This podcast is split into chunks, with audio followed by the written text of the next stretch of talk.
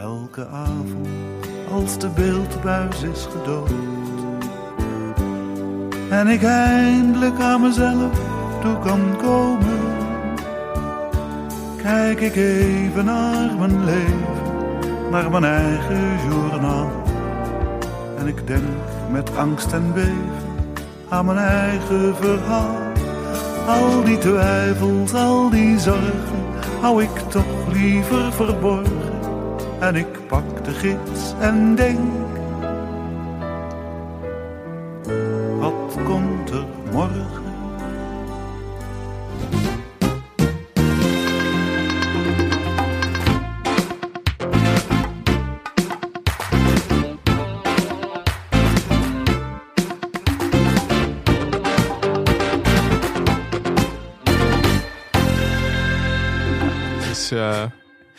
acht uur 's avonds inmiddels. We begonnen om... eh, het plan was om om vijf uur op te beginnen. Jij zei nog voor het begin van deze opname maximaal twee uur. Zitten we dat nu is al één op. keer is dat gelukt. De tweede keer gaat dat niet lukken. Eh, mijn naam is Michel Dodeman. Tegenover mij Alex Maasreel. Rechts tegenover mij Jordi Amali. De stem van het volk aan tafel hier. En blijf hangen. Ja. De aller, aller, Jezus. allerlaatste televisie voorlopig. Nu is het echt de laatste. Voorlopig. Ja, het, het moment komt nu wel dichtbij dat ik ga huilen, Michel. Het wordt wel, dit wordt echt, dit wordt de, de test. Het Het traantje. gaat lukken. Ehm, even kijken, waar zullen we mee beginnen? Ja, Het wordt, het wordt een chaos, mensen. ja dat, Chaos. boeien. Wat gaan ze doen dan? Zeggen van, oh, ik vond jullie laatste podcast wat rommelig. Interesseert mij geen reet meer inmiddels, hè? Nu nog al die recensies binnenstromen op Apple, ja. Ik heb het Vonden we 160 zootje. afleveringen af, eh, aangekeken. Dat Vincent Bijlo weer gaat zeggen dat het veel te lang was. Eh, zullen we beginnen met de aangevraagde programma? Ja. Ja, laten we beginnen bij vriendin van de show, Charlotte Werkman. Wat een jaar voor haar ook. Wat hè. een jaar voor haar. Redacteur bij Boos. Zij, zij heeft eigenlijk dat hele, dat hele programma draagt zij natuurlijk. Ik krijg alleen nog maar berichten van haar dat ze op een prijsuitreiking is. Ze winnen ook alle prijzen. Dus nou ja, Charlotte is klaar op haar 27ste. Die heeft alle prijzen gewonnen die er te winnen zijn. Die Ja. kan ook met pensioen. Ja. Heeft heel veel input geleverd aan de podcast. Waarvoor dank. Maar even streng zijn. We hebben haar heel vaak uitgenodigd. En ze heeft altijd de boot afgehouden. Nou ja, nee, ze zei altijd, ja, wanneer nodigen jullie nou een keer uit? Ja, en dan En- deden we dat. Ja, En dan kwam ze nooit. nee, het is altijd, het is altijd allemaal off the record. Al die, al die nieuwtjes, al die eh, tips. Maar weet je waar ik nou bang voor ben bij Charlotte? Dat dat over tien jaar een tv-ster is. En dat wij hebben haar groot gemaakt. En dat, dat wij vergeten worden op dat moment. Dus ik wilde toch even dit moment aangrijpen om dat te benadrukken. Dit is dat stokje dat we doorgeven. Maar zij, ja, zij heeft het al maanden over het programma Bij ons op het kamp.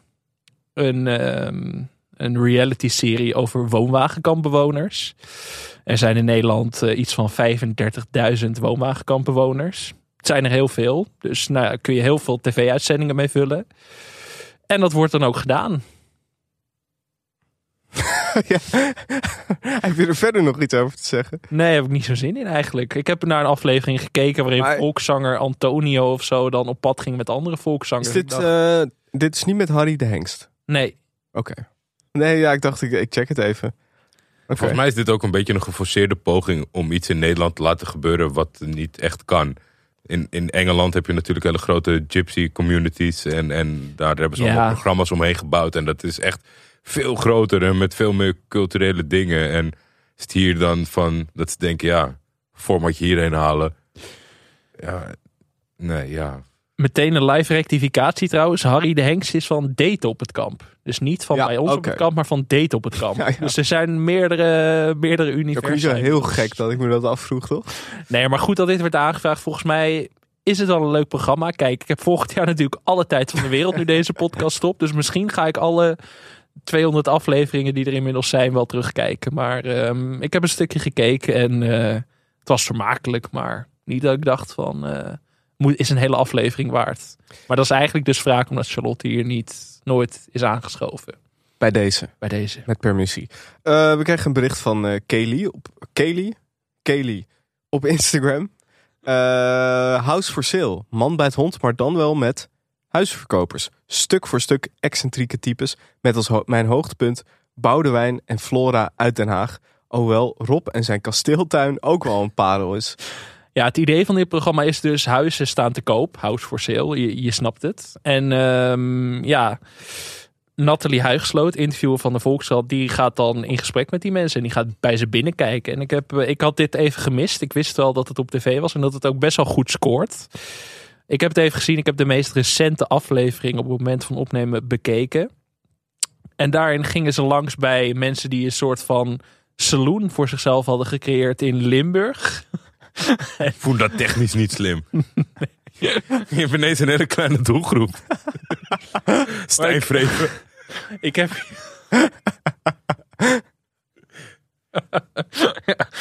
maar ik heb hier heel erg van genoten. Vooral omdat de, de, de, de man des huizes praat precies hetzelfde als Ronald Waterreus. maar dan als een soort cowboy. Moeten we maar even een heel klein stukje laten horen. Want dat, ja, ik heb daar echt heel erg van genoten.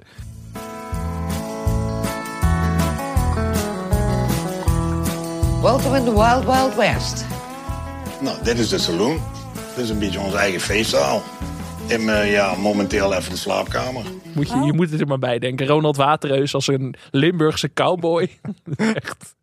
Maar dit programma was echt zoiets van ik dacht... oké, dit moet ik echt vaker gaan kijken. Want het, is, eh, het, het vult echt goed dat man bij het hond gat eindelijk op. Leuk. Hebben jullie als media watchers de, het fragment gehoord van de PSV-podcast waarin Ronald Waterreus een bossenbol eet? Het absolute aanrader is een audiofragment van 2022 voor mij. Maar ik zou wel eens, eh, ik- eh, weet je, eh, eh, eh, ook pas een half jaar bij PSV. En het is nou ook weer niet zo dat hij elke wedstrijd naar zijn hand zet. En, en, en op dit niveau is het ook allemaal nog nieuw voor hem. En eh, laat ik zo zeggen, ik zou hem. eh, Het is een soort... Hey, het licht gaat uit. Dit is Een overijverige, overijverige portier beneden. Ja. Ik loop zo wel naar beneden, kunnen jullie verder kletsen. Heel symbolisch dat de lichten uit. Ik Ja. vind het wel gezellig zo eigenlijk. Ja, maar dat, even dat fragment van Ronald Waterreus, dat is een soort omgekeerde ASMR. Dat hij, je hoort hem kreunend, kreunend echt die bossenbol eten. Fantastisch.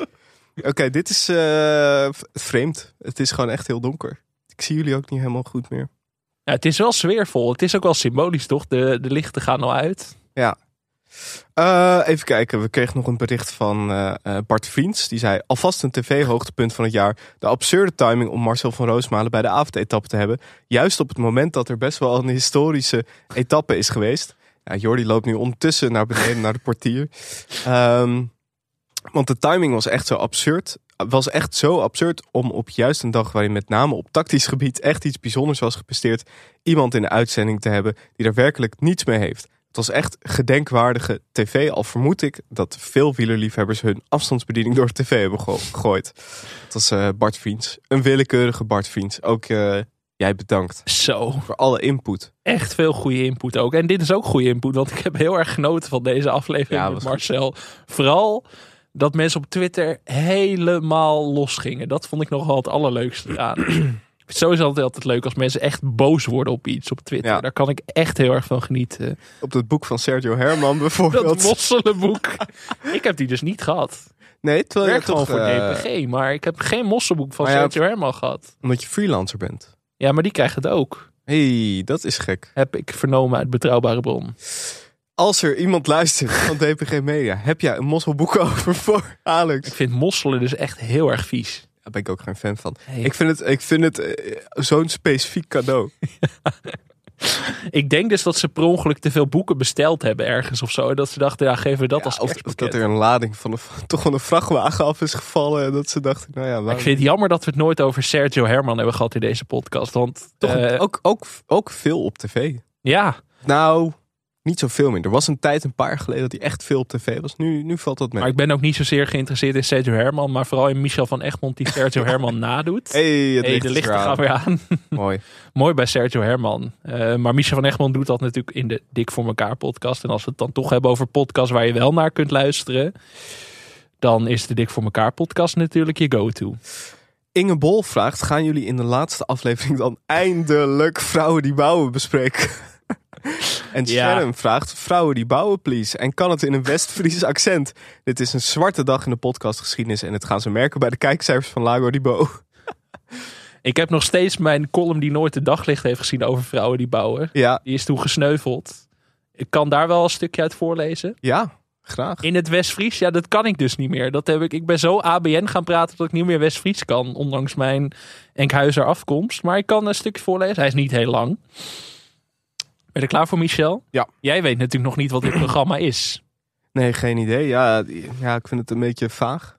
Nog. Omroep Poont heeft een heel nieuwe niche gevonden in het tv-landschap. Vrouwen in een mannenwereld.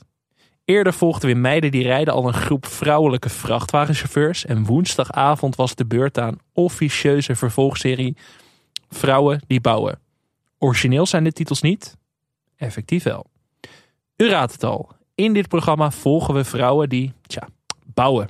We volgen per aflevering een paar vrouwen die afwijken van de ouderwetse norm en werkzaam zijn in beroepen die nog steeds vaak worden toegeschreven aan de man. De bouwsector wordt in het programma niet voor niets geïntroduceerd als een bolwerk van mannenzweet en testosteron. Want slechts 8% van de bouwpopulatie is vrouw, Michel. Toch zijn er ook genoeg vrouwen die zich, tussen haakjes, in het zweet werken zonder ook maar één gelakte nagel te scheuren Mooi. Tussen haakjes, het slikken van een anti-allergietabletje voor lollige jaren 50 clichés bleek raadzaam. Gelukkig trokken de hoofdrolspelers zich niets aan van die clichés. In de eerste aflevering volgen we onder meer hijskraanpiloot Jessica, een kanjer op de kraan en beplatingsmonteur Joy, die haar werk als kapster inruilde voor een bouwcarrière. Op een nondescript industrieterrein onder de rook van Heer Hugo Waard ontmoeten we Jacqueline en Angela, de zusjes van staal, die het beton-ijzervlechtbedrijf van hun vader overnamen. En dan was er nog Sledgehammer Tanja, een veteraan die al een kwart eeuw thuis is op de heimachine. Vroeger wilde ze vuilnisvrouw worden, maar het in de grond rammen van palen bleek haar beter te liggen. Een presentator was er niet, want het geheel wordt, net als meiden die rijden, aan elkaar gepraat door acteerlegende en promenade-alumnus Ton Kas. Zijn cynische voice-overwerk bleek een nog iets dikker aangezette voortzetting van een paar van zijn meest iconische rollen. Waarin vooral de geest van Arie Balk uit het schaap met de vijf poten rondwaarde. Een kleine greep uit zijn commentaar. Ik kom zelf niet veel verder dan je neventjes hijsen. Als de kop niet in de muts past, is het natuurlijk einde verhaal. Met verbluffend gemak laat Jessica duizend kilo keihard staal omhoog komen. Dat klinkt veel dubbelzinniger dan ik bedoel. Al die, al die schunnige kroegknallers lagen er zo dik bovenop dat het vanzelf leuk werd. Het programma begaf zich daardoor voortdurend in het schemergebied tussen promenade-sketch en aandoenlijke sfeerschets. Het was geen spannende of radicaal vernieuwende tv, maar de hoofdpersonages waren goed uitgekozen en stuk voor stuk interessant genoeg voor meer schermtijd. Vooral de dynamiek op de bouwplaats fascineerde. Als Jessica vraagt wat een mannelijke collega van haar vindt, komt hij niet veel verder dan: Je bent een goeie. Sledgehammer Tanja moest niets hebben van dat soort ongemak en vond het helemaal geen ramp om omringd te zijn door zoveel mannen. Quote: Hoe warmer het wordt, hoe meer ze uittrekken. Dan heb ik de dag van mijn leven. Een jaar naartoe geleefd naar vrouwen die bouwen. Ik wist zelf ook niks meer, dus ik moest deze column wel voorlezen, want ik was dit hele programma alweer vergeten. En wat voel je als je deze column leest? Denk je, dit, dit is zonder dat we dit nooit... eh, Nou, ik ben wel blij dat hij niet in de krant heeft gestaan. Maar, nee. maar ik ben toch blij dat we even. eh, Ja, Jordi, Jordi heeft dit nu weer gemist, wat al weer symbolisch is. Maar je hebt de bespreking van vrouwen die bouwen gemist, Jordi. Ja, dat ga ik morgen horen. Ik heb nog een stukje, stukje originele content. Nee, ja, de- beneden staan vechten natuurlijk eh, met de portier. Maar het, ging, het ging snel alweer. Ja, een sprintje getrokken voor jullie. Eigen achter die microfoon. Ehm, laten we verder gaan met onze eh, top 20. We zijn eh, aanbeland bij nummer 10. Het langzame ontsporen van Hulvacht. Ja, kan, je- kan, je, kan je dat programma in één... één ja, toch, het het is eigenlijk gewoon het complete deelnemersveld. Met gewoon Jack van Gelder, Dries, Fred Teven, wie er allemaal zaten. de Mol ook, hè? Dat was gewoon dit jaar nog dat hij het presenteerde. Het is Ja. zo snel gegaan van een talkshow waarin de presentator elke dag huilend zijn excuses moest aanbieden voor een Ja. misstap. Tot Jack van Gelder die pleit voor het afschaffen van belasting, btw en alles waarvoor we moesten betalen. Maar, zo snel gaat het bij Hulf 8. Ja, Er is nu stabiliteit op komst met eh, vaste presentatoren Sam Hagens en Helene Hendricks. Ehm, in de, de keizer toch? De keizer heeft is het gewoon. Nee? afgepakt. Nee. Oh, Slechte screentest. oh ja. Dat verwacht je niet als Mona Keizer een screentest gaat doen dat die dan slecht is. Wat, wat ik ook gewoon het mooie vind aan Hulf 8, je zit te kijken dan op hun YouTube-account. En dan, ja, je- je ziet dan de, de titels en dan de, de thumbnails, de foto's erbij. En er staat hier dan bijvoorbeeld, zeven uur geleden, waarschuwing voor masturberen met kerstverlichting. En dan, en dan een foto van een beetje verbaasd kijkende Catharine Keil. Met als quote daaronder, ze stoppen er de gekste dingen in. Hier steeds meer kerken in Nederland lopen leeg, acht uur geleden. En dan een foto van Bastiaan Ragas met daaronder als quote: Ik begrijp dat wel. Ja, dit programma, het maakt ook allemaal niks meer uit wie je bent of wat je doet. Of het, je, je wordt gewoon daar neergezet en er komt gewoon een peloton, een soort spervuur van vragen en onderwerpen. Je moet me gewoon meegaan in die flow. En sommige mensen kunnen dat, sommige mensen kunnen dat niet. Maar dit is toch het logische eindpunt van de talkshow-oorlog, waar het al jaren over gaat. Dat zeg maar, we zijn zo murf gebeukt met al die talkshows dat er nu gewoon een talkshow is waar geen onderwerpen meer zijn, waar zelfs eigenlijk geen presentatoren meer zijn, maar waar gewoon vier of vijf meningenmachines aan tafel worden gezet die gewoon willekeurige onderwerpen. Kerstbomen, Jordi. Ga maar los. Wat vind jij ervan? Kunst. En dan gaat, dan eh. gaat het ineens over grensoverschrijdend gedrag. En dan is het zo. En dan de overgangen van eh, half acht en zo. Jack, wanneer deed jij het voor het eerst? Ja. Zo gaat dat programma. Zo is dat elke avond gewoon. Het is echt niet te geloven. Maar denken jullie bij de extreme meningen van de boomers dat, dat, dat, het, eh, dat het in ze zit en dat ze de vrijheid zijn gevoelen om die te delen? Of dat ze zijn in hun drang naar toch nog gezien te worden dat ze zeggen wat men wil horen? Welke kant werkt het op? Was Jack van Gelder altijd een soort rechtsextremist? En heeft hij dat verstopt vanuit zijn vakkundige expertise? Of denkt hij van dit is nu de enige reden om, om nog relevant te blijven? Nou, maar hij kreeg die ruimte ook vaak niet, toch? Het is niet zo dat je bij Nederland-Argentinië in 1998 tussen de assist van Frank de Boer gaat zeggen. Belasting, moet eraf. Bergkamp, Bergkamp, Kaag is een heks. Bergkamp. Ja, aan de andere kant heeft Jack natuurlijk de meeste ruimte ooit gekregen. Studio voetbal en, en Ziggo. Hij mocht, het was zijn show. Hij heeft spelers op schoot genomen. Hij deed wat hij wilde. Niemand kon vertellen hoe Jack een programma moest maken. Nee, maar wel altijd in een voetbal-idioom, zeg maar. Hij kreeg niet echt ruimte om daar buiten te treden, misschien. Ja, I don't know. Hij had natuurlijk zijn stokpaardje met dat hij graag musicals deed. N- Nog nooit zichzelf afgevraagd van... Ben ik hier geschikt voor? Kan ik dit? Nou ja, Dus dat was zijn ding. Dus eh, eh, toen had hij toch al kunnen. Toen had hij al los kunnen barsten. Dat ik heb een waar, beetje het ja. idee dat op het moment dat je, dat, dat, dat je langzaam. dat het stof op je neerdaalt en dat de telefoon niet zo vaak meer overgaat. dat je dan maar op zoek gaat van. wat kan ik doen om wel gevraagd te worden te blijven. Dus ik denk eigenlijk dat het mechanisme zo werkt. Ja, daar zit wel wat in, denk ik.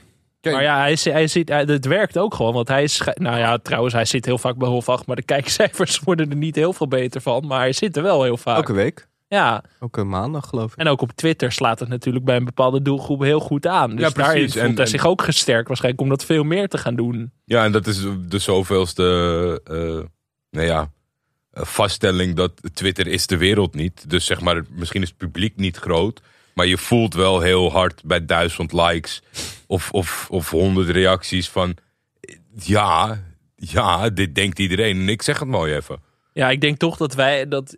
Stel, wij waren echt een blockbuster podcast geworden. Wij hebben natuurlijk Summer Holiday heel erg eh, zitten pushen. Ja. Maar ja, we eh, hebben nooit, nooit een blockbuster podcast geworden. Als wij dat waren geworden, was Jack misschien wel echt die zangcarrière gaan nastreven. Ja, Dan hadden we je, politieke Jack gewoon nooit gehad. als je ziet hoe snel eh, Michel zijn handen aftrekt van Bas van Toor.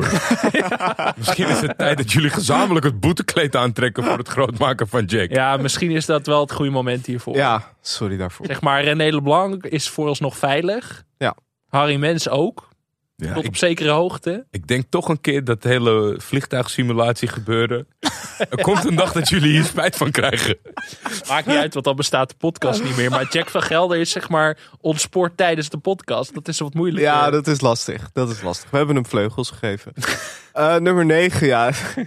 ja, je moet hem gewoon even weg gaan luisteren. De panfluiter des vaderlands. Weinig fragmenten hebben me zoveel vreugde gegeven als dit moment. Ik blijf het gewoon heel tof vinden dat, dat hij of zichzelf of dat iemand in zijn omgeving hem ooit de pandfluiten des vaderlands is gaan noemen. Dat is toch gewoon... Ja, als, als je maar de juiste niche kiest. Dat is natuurlijk ook die, die tango-maker van Maxima. Die gozer heeft gewoon zijn hele bestaansrecht. Van het feit dat niemand in Nederland een Argentijnse tango kon spelen met de accordeon. En, en het is een hele grote meneer geworden. En ja, dat, dat, ja, als je dan een panfluit oppakt en de kans krijgt. Maar dat moet toch heerlijk zijn om in zo'n niche te zitten? Ja, nee, ik, heb, ik heb alles al bedacht. Eh, Dwarsfluit, een triangel. voor mijn grote doorbraak. Ja, de- de- ik ook. Maar ja, ik ben tv-recensent en die, die niche is echt heel goed gevuld. Song for Life and Death. Het is gewoon zo raar dat dit gewoon live in Jinek was. en vooral ook ja, natuurlijk gewoon het gezicht van Saskia Belleman daarnaast. Saskia zit er ook heel ongelukkig bij. Maar dat, dat gebeurt Als ik gewoon. hoop dat die compositietekenaar ook kijkt. Ja. Het is een beetje, wie was dat ook alweer die bij Hulf 8 zat toen het over het, eh, toen het, over het Songfestival ging. En dat er ook iemand- Caroline? Nee, dat was bij Bo. Nee, er was iemand op de achtergrond. Volgens mij was het Michael van Gerwen of zo. Die daar op de achtergrond zat en gewoon onbedoeld toch... Ja, de heet het in beeld kwam als het dan over het Songfestival ging. Saskia Belleman ook wel een jaar. Die heeft gewoon in een paar maanden tijd naast de panfluiten des vaderlands en naast Sinterklaas Jan Slachter gezeten. Ik denk dat hij nooit meer in een talkshow durft te komen. Die arme vrouw heeft zoveel last van die hele talkshow-oorlog. Die denkt gewoon, ik wil over mijn misdaadverhalen praten. En die krijgt dan de hele tijd dit soort ellende over de dak.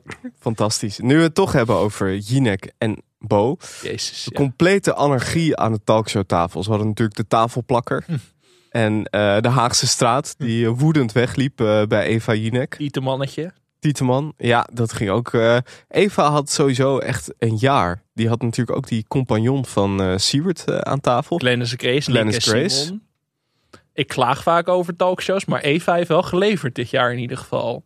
Als je dit allemaal zo opzomt. Wat, wat was... Wat vond jij het meest spraakmakende? Toch die tafelplakker, hè?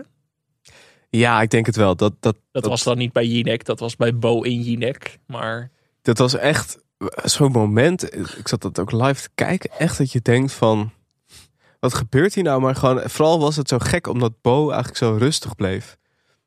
En het, het kreeg ook al zo gauw gewoon iets, zoiets komisch. En het ging ook zo lang door. En toen kwamen nog die beelden. Dat hij van die tafel werd gekieperd. dat Ja, dat- dit, nou, het allergrappigste daaraan was nog wel... Hij werd van die tafel geflikkerd door beveiligers en schreeuwde toen met kanker. ja. En dat KWF het later een boze tweet heeft uitgegooid. En dat hij daarvoor zijn excuses heeft aangeboden. Ja, dat er ook remix voor kwamen en zo, ja. Ja, het- was Nu wel... verliest je boodschapkracht. Ja, Als je dit soort termen gaat bezigen, dan verliest de boodschapkracht. Ja, jezus, deze column achtervolgt me. Ik, of de- dit programma achtervolgt me, want ik heb er toen een column over geschreven. ja. En toen kreeg ik echt een woedende mail van iemand die zei... Jij doet badinerend over de klimaatcrisis. Het gaat ook jou aan. ik dacht echt, oh jezus, moet ik me morgenavond gaan vastlijden om het aan de tafel om te benadrukken dat het me echt aan het hart Het gaat. zijn wel momenten voor een leek als ik. Dat, dat- dan, dat- soms wordt het onafvolgbaar, zeg maar. Als jullie het hebben over Bo, maar dan als host van Jinek. Ja, maar da- dat dan, snap, dan dat moet snap ik, echt, ook eh, niet. dan, dan, dan moet ik even stoppen met, eh, met mijn vaat in, in, instoppen. En eh, dan moet ik even. Oké, dus de Bo is nu Jinek in Jinek Show. Terwijl er was ook ooit een Bo. En dan echt. eh, door, maar ik vond eigenlijk de vergeten tas van de Bozagen. Oh, ja. De vergeten tas was wel mijn. eh, mijn Ja, inderdaad, want dat was Ja. toen eh, zo'n Haagse straat met die zo'n hele straat oranje versierde. En die liepen toen boos weg toen het over Qatar ging. En mensenrechten dachten zij van, nu gaan wij statement maken. Nu gaan wij die studio woedend uitlopen. En toen was er één iemand die inderdaad zijn tas liet staan. En volgens mij, volgens mij was het Holly mee brood, zat aan tafel en die riep hem toen na. U vergeet uw tas. Ja. Oh ja, dankjewel. Ze kon ook die uitgang natuurlijk niet vinden. Nee. En het was, Waar mogen we naar buiten? sowieso was dat echt dat... Ja. Ja, ik heb gewoon van, van Tieteman, het Ja. fenomeen Harry de Tieteman met al die brillen. En toen later kwam hij nog met nog meer brillen op zijn hoofd. ik heb er zo van genoten. Maar dat is ook wel dat ik dacht, die hebben we ook te groot gemaakt. Ja. Want die zag je later ook overal voorbij komen. Maar gewoon ook dat, dat hele idee van dat je denkt, weet je wat? Ik nodig Harry de Tieteman uit. Ik nodig die Haagse straat uit. Daar gaat een goed gesprek uitkomen. Ja, het was ongelooflijk. Echt ongelooflijk. Zit, zit Jinek voor jullie onder haar kunnen met een talkshow als deze? Is zij, is zij beter dan talkshow host in Nederland? Wel in het huidige talkshow-landschap. Ik vind, ik vind Hinek wel echt op, bijna op het niveau van Jeroen Pauw. Groot compliment. Ja, maar ik vind nu wel bij RTL heeft ze ook vaak iets te vaak huiswerk. Dat ik denk van Ja, met Wendy van Dijk in gesprek over een nieuw kutprogramma. denk van doe maar gewoon. maar, maar dat is toch sowieso een beetje. Ik denk dat presentatoren hebben gewoon te vaak huiswerk. Ook Jort Kelder, die, daar hebben we het over gehad, die dan laatst zei van ja, Jan Slachter als Sinterklaas, ik vond het geen goed idee en zo. Ja, ja, het kan natuurlijk ook zijn dat hij dat nu zegt. Maar ik heb wel echt het idee, je merkt vaak gewoon bij presentato- presentatoren, zeker bij op één, eh, dat, dat ze soms gewoon echt verveeld zitten te kijken van, ah, ja. ik pak de volgende wel, weet je wel. En dat vind ik, dat, dat merk je ook bij Jinek. Ja, die moet soms gewoon echt die commerciële klussen, echt dat vuile werk opknappen. Ja, de- daar word je niet gelukkig Maar van. zijn de grote dan niet groot genoeg als, als Pauw en Witteman, zeg maar, om te zeggen van bij een omroep van ik ga het doen, maar dan wel naar mijn maatstaf? Ja, zij wel, Want denk ik. Blijkbaar alle presentatoren zijn niet, niet groot genoeg eh, ten opzichte van de redactie. Nee. Want ik kan me niet voorstellen dat, dat zeg maar alle, alles wat jullie nu bespreken rondom Jinek, dat Eva zegt vet. Harry de Tieteman, doen. Toch? Ja. Nee, Dus maar dat- uiteindelijk- ja. Hoe, hoe zit dat eh, bij jullie bij de voetbalkantine? Hoe- In hoeverre ben jij... Over Turkije ging.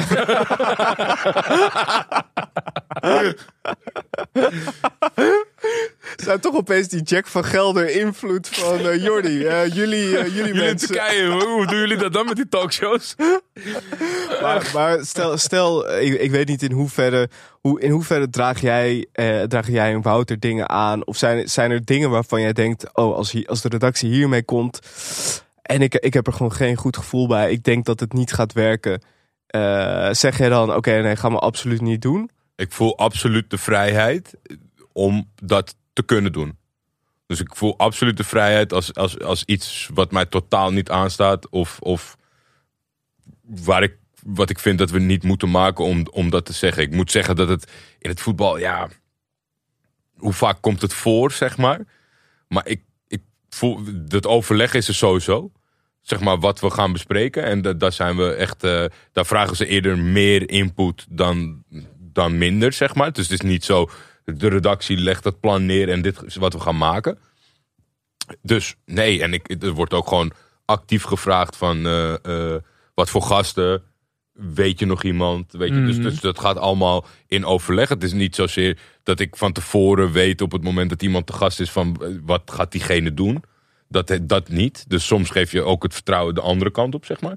Maar ik denk dat als er een item zou zijn of, of, of, of een gast zou zijn waarvan ik denk van ja jongens, dit moeten we echt niet doen. Weet je, of het is, of het is flauw of het is, of het is slecht.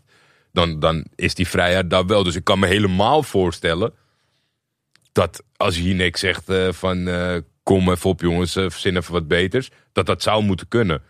Kijk, dat het dan vaak meteen escaleert zoals we in een stuk hebben kunnen lezen over DWDD. Ja, dat, Dat, ja. is, dat is natuurlijk wel het gevaar, Ja. zeg maar. Op het moment dat je de alleenheerser wordt. Ja, dat is, dat is waarschijnlijk... eh, dan moet je meedoen aan het programma waar jullie het over hadden. Dat je balans eh, moet houden op een koordje. Maar ik denk toch dat, dat goede presentatoren wel een soort van moeten zeggen van... Ik ben bereid of ik ben beschikbaar. Maar dan wel iets fatsoenlijks maken of, of iets knaps maken. ja, want Het wat, valt mij tegen bijvoorbeeld van een Jinek ja, hoort te zeggen van als in het draaiboek staat Harry de Tieteman en, eh, en de Den Haagstraat komen, dat zij zegt oké.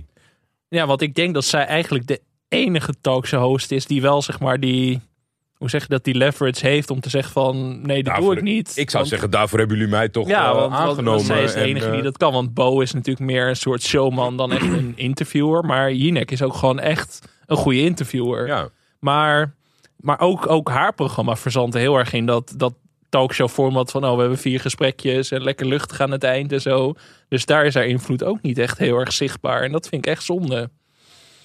Ja, ik denk de talkshow ooit, het, zeg maar, het succes en, en, en ja, waarom het er is. Er zit wel wat in natuurlijk om gewoon dagelijks actualiteit te bespreken. Iets meer diepgang te geven. Ja, maar het is nu helemaal verloren geraakt. Het is nu gewoon...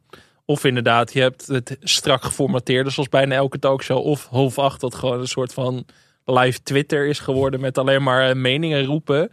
Maar er is niet meer echt iets wat, wat verrast in die zin. Of wat, wat een eigen profiel heeft. En dat vind ik zo zonde als kijker eraan. Ja, maar je zit heel erg in de, in de, in de, in de. We zitten echt al heel lang gevangen in de situatie. Slechte reclame is ook reclame. Ja. Dus iets wat bij, bij op één compleet escaleert of fout gaat, maar wel 20.000 interacties heeft op Twitter, Ja. is een goede avond. Ja. Nee, maar daarom nodigt op één Gordon uit. Anders kan ik me niet voorstellen waarom ze dat zouden doen. Nee.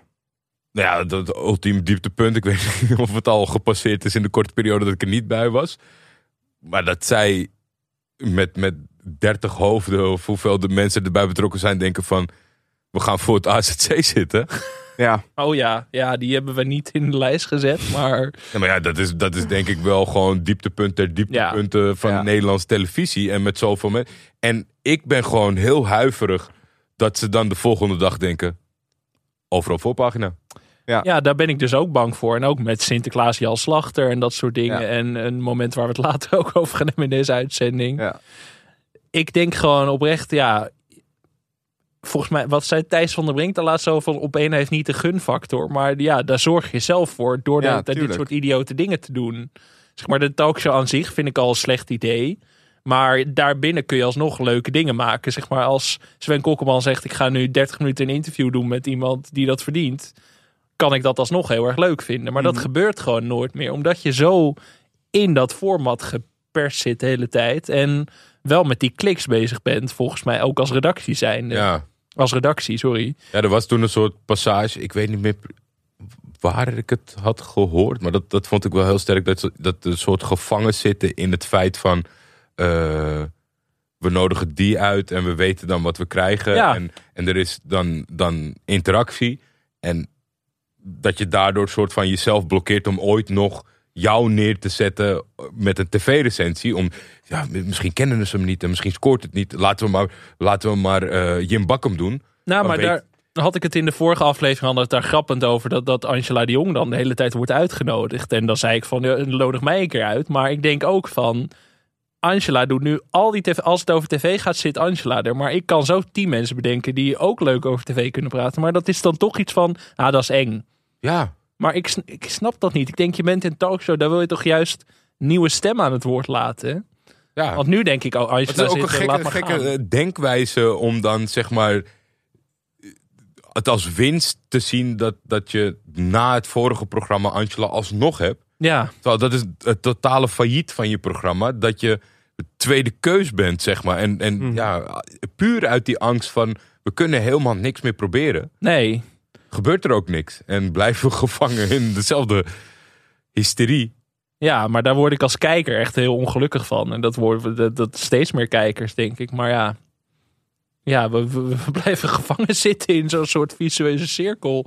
Tenzij we naar half acht gaan kijken, denk ik. ja. Tijd voor wat vrolijkers dan. Ja. Zeven. Laten we gewoon even gaan luisteren. Met het mes op tafel. Muziek. Little sick, he seems to be the pain. God, all these herbs don't mean a fucking thing. I'm the little witch with the magic tricks. Mistrust the White House. Come and get your fix. It's not about the numbers. What you feel is real. Crystals, rays of light, the taste of orange peel. Witch doctor. Witch doctor. Klaas van Dijk. Eh, hebben we het veel over gehad dit jaar. Eh, Dat was denk ik mijn persoonlijke televisiehoogtepunt. Dat het Twitter-account van Met het Mes op tafel ons deelde. Toen dacht ik van, dit is erkenning. ja. Weet je, het maakt me helemaal niet uit wie ons ook tipt. Dit, hier gaat het om in het leven. Ja, maar met het mes op tafel. Het is ook echt een kijkcijferhit. Het heeft bijna een miljoen kijkers. En ook in de doelgroep 20 tot 49 scoort het als een malle. Daar ben ik gewoon heel blij om. Want het is gewoon echt een heel leuk programma. En dit is zo'n iets waarvan, waarbij echt geen spoortje ironie zit, Jordi. Het is echt... Voor dit programma zou ik echt, zeg maar, een, een, een, een hoe zeg je dat, een, eh, een kogel van opvangen. Voor Klaas en Milou. natuurlijk, maar voor Klaas en Milou, ja. Ja, met het mes op tafel. Ja, met de oude presentator, want het loopt al lang hè. Met de oude presentator heb ik het veel gekeken. Joost Prinsen. Joost Prinsen. En eh, ik, ik, ik denk dat het, waardoor het ook zeg maar in een bredere doelgroep zit, dat het, dat het ex, ja, de vragenbedenkers zijn, zijn van grote klassen, zeg maar. Waardoor Ja, jij en ik denken van eh, we blijven even hangen en eh, leuk, we kunnen meekomen. Maar ook iemand die ouder is. Eh, het, het, het heeft de perfecte balans qua vraagstelling. Het hele element van inzetten is natuurlijk wel grappig om te zien hoe ze dat als een soort van casino, maar niet vervelend, zeg maar. Want Mhm. zeker in deze tijd dat eh bettingpartijen niet geliefd zijn, Bad Eh, City. heeft dat een soort natuurlijk nare smaak. Maar dit is op een soort van leuke huiskamer manier dat je denkt van, nou, hoeveel zou ik inzetten? Het is, het is veel geld, maar ook weer niet, zeg maar. Het is, ja, het, het is een hele fijne balans. En ik denk dat het heel knap is van eh, Herman van der Sand, is dat toch? De nieuwe Ja, presentator. Om, ja, Joost Prins is zo uniek. Om, om, te, om A te zeggen van oké, ik ga het proberen. Dat, daar neem ik allemaal een petje vooraf. En dat je dan daar ook nog in slaagt, dat vind ik heel, heel knap. Want ja, weet je, het is. Joost Prins is, is het programma een soort van. En dan met zo'n unieke invulling, dan moet je dat maar durven. Want ik kan me heel goed voorstellen dat je zegt: eh, nou ja, eervolle, eervolle baan, maar ik doe het niet. Nee, maar hij heeft er echt zijn eigen ding van gemaakt. Ja. Door, en wel tegelijkertijd voor te bouwen op wat Joost Prinsen zo goed deed. En dat is heel knap. Zeg maar hij is niet aan het kopiëren, maar hij heeft wel een soort van de boel succesvol voortgezet zonder dat hij dat echt is gaan jatten. Hij heeft er wel zijn eigen draai aan gegeven. En dat Ja. vind ik er echt heel goed aan. Mijn favoriete deelnemer is degene die het antwoord niet weet en zo onduidelijk gaat schrijven in de hoop dat het herkend wordt als het goede antwoord. Dat je echt zo denkt van ja, ja, we doen gewoon even een, een hoge lus en een lage lus en dan hopelijk denken ze dat dat er staat. We hebben dat allemaal ook wel eens gedaan hè, op eh, examens en tentamens. Dat je gewoon een week zo- zo'n soort van streep trok aan het einde. Dat je dacht van, eh, ik weet het niet. Weet het niet. Eh, op zes hebben we, ja, daar konden we niet omheen. Boos over de voice. Ontzettend veel over gezegd en geschreven. Nummer 6, daar gaan ze teleurgesteld in zijn op de boze redactie. Hoor. Ja, maar dat was natuurlijk een beetje, kijk, we moesten het noemen.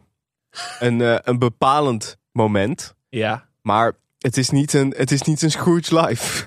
Tuurlijk.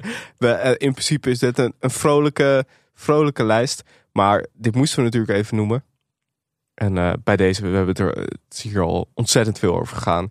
Maar het heeft toch ook het jaar wel mede bepaald. Maar zeker ook de domino-stenen die daarna zijn gaan rollen. Met Precies. het hele DVD-verhaal. En nu ook met NOS Sport Ja. waar het rommelt en zo. Het is wel een soort van sneeuwbaleffect hoe dat gegaan is uiteindelijk. Ja. En die, eh, die invloed zou denk ik nog wel de komende jaren hebben. Ook in, eh, in de tv-wereld. Mag maar tot ze in televisie gaan duiken. Kritische noot over de sequel. Ja. Mag dat? Ja hoor. Mag? Nee, ja, ik hoorde net een vriendin van de show die betrokken is bij Ja, het maar programma. die Dus dan misschien aan. maakt het, jullie on- maakt het jullie ongemakkelijk. Maar ja, net als met veel films, sequel, nog een keer uitpakken, heel erg lang. Terwijl de hoeveelheid nieuws daarbinnen. En ik vond het niet desboods om, zeker niet gezien het onderwerp, om het soort van. ja, Wil ik abs.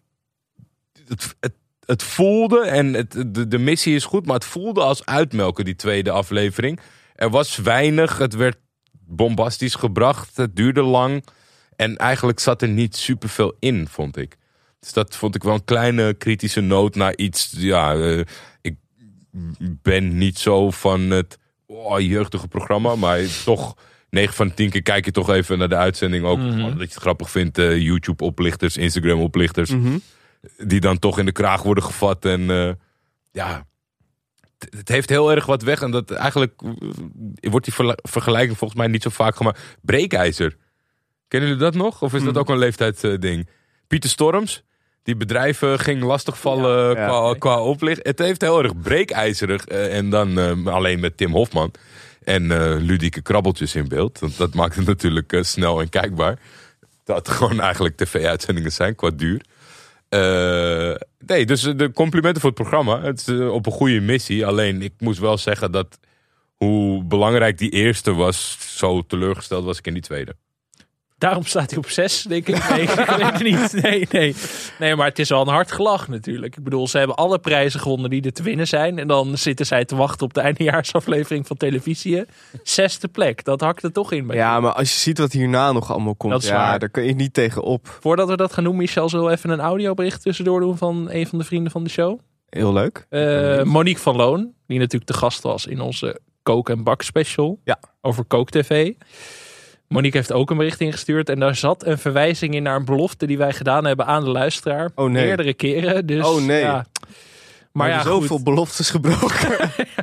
dat ik ook helemaal niet weet waar het over gaat. Dus ja, ik vind toch dat we dit even moeten... eh, Dat is zo vervelend van trouwe luisteraars die dan twee weken later zeggen: hey, jullie zouden toch eh, terugkomen op. eh, ja, Jezus. komt die aan. Lieve Alex en Michel, wat ongelooflijk jammer dat jullie gaan stoppen met televisie. Ik ga jullie podcast ontzettend missen. Ik had nog graag een eh baantje-aflevering willen maken, of eh, 16. Maar zeker ook eh onvolprezen jaren 90 series als Vrienden voor het Leven en Mijn dochter en ik. En Ik ben je moeder niet, wie kent die nog?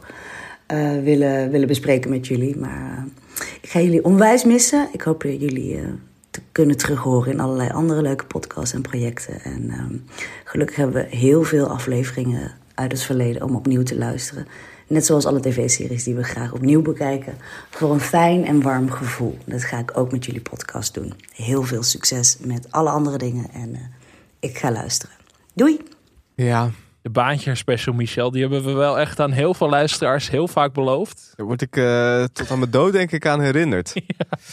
Ja, ja, weet er- je, maar dat kan nog. In de, als we stel we komen terug. Maar het is een groot oeuvre. Hoe zouden jullie dat aanpakken? Gewoon één lange episode over wat het programma is? Of recappen? Dat, dat is altijd moeilijk geweest. Ik denk dat recappen was too much. 24 seizoenen, 183 afleveringen. ik denk dat je dan toch met misschien elke, elke aflevering één lijk. die dan hier in de studio zit. Iemand die overleden is in baantje en dan terugblikken of zo. Ik zou het ook niet weten. Nee, maar daarom is die aflevering er tot op heden ook nooit van gekomen. Omdat Ja, het, het is gewoon een, niet te eh, doen was. worsteling. Nee, ja, ik denk ook, ja, één, één aflevering, dat gaat je niet lukken. Nee. Ja, kijk, uiteindelijk een aflevering is zolang je hem zelf maakt, zoals de mensen nu doorhebben. Maar ja, dat, ik denk om dat programma goed, goed en met respect te behandelen, dat je dan wel echt op een vier, vijf uur durende aflevering zit. Als je, Maakt straks niet Niet. meer uit, want dan in eigen beheer kan dat allemaal. ja, dat ligt dan aan hoe groot je SD-kaart is die, je- die je aanschaft voor je eigen beheer eh, opnameapparaat. Schietvogeltje Media is eh, Die heeft hele grote minimaal kaarten. vier uur waarschijnlijk ook. Nee, ik zal altijd bij mijn opa is groot fan van de boeken. En uiteindelijk, dat was wel gewoon vaak tv-remakes niet zo goed als het boek. Maar bij Baantje sloot het wel goed op elkaar aan. En toen eh, was bij ons achter in de wijk eh, was een opname. Echt? Ja, en ik fietste langs als klein kind. En ik dacht, hé, hey, dat is Baantje. en Fledder. En eh, toen ben ik naar huis gerend. En ja, de- hij had zelf die boeken thuis. Dus ik kon hem niet verrassen. Toen heb ik aan mijn moeder geld gevraagd. En toen ben ik bij de boekenwinkel twee, drie boeken van Ja, Baantje gaan ja, kopen. ja, en toen ben ik naar die set gerend. Oh, wat en goed. eh, gevraagd of ze voor opa Arie wilde signeren. Vet. en eh, dat hebben ze met z'n allen gedaan. Alleen, eh, alleen Prins was er niet.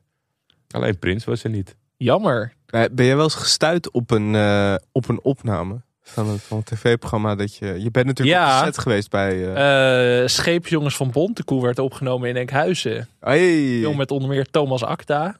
Die uiteraard doodging in die film. ja, de Scheepsjongens van Bontekoe werd volgens mij 2006 of zo. Toen was ik 11. Toen werd hij gedraaid in Enkhuizen. Bij het Zuiderzeemuseum. Het enige wat je in Nederland kijken. voor een gouden kalf moet doen... is Thomas Acta casten en hem niet laten sterven. Waarom? Dit is niet zo moeilijk, mensen. Maar dat gebeurt dus nooit. Nee. Jij? Ik heb een keer opnames van All Stars gezien. Ja, ja, ja, ja, ja. Dat, eh, dat is wel heel vet. Eh, nou, ik heb een keer, daar, daar was ik niet live bij. Maar ik heb later een keer gezien dat iets van Koefnoen eh, werd opgenomen in de straat waar ik woonde. Dat ik vooral dacht, fuck, waarom heb ik dat gemist? Maar verder, we hebben, we hebben wel een keer een, eh, zo'n moment als Jordi gehad, maar daar was ik zelf niet bij. Toen was Johan Cruijff was met, ik geloof, zijn schoonvader bij de kapper die naast de winkel van mijn ouders zat. De groentewinkel. En toen eh, is mijn vader snel naar boven gerend. Die heeft toen twee voetballen gepakt. En die heeft eh, Johan Cruijff gesigneerd. Dus ik kwam, ik kwam thuis. Niets vermoedend van school. Er lagen opeens twee gesigneerde ballen van Johan Cruijff. Ik dacht, hier is iets geks gebeurd. Ik heb iets gemist toen ik, eh, toen ik op school zat. Dus dat heb ik niet... dat, iets compleet anders. Heeft helemaal niks met tv te maken. Ah, dat maakt, dat maakt inmiddels al lang niet meer uit, Michel. nee. Ehm, op vijf hadden wij de voetbalkantine gezet. We dachten, ja, Hoger dan boos. qua culturele impact. Ik dacht in deel 1 dat ik al was behandeld.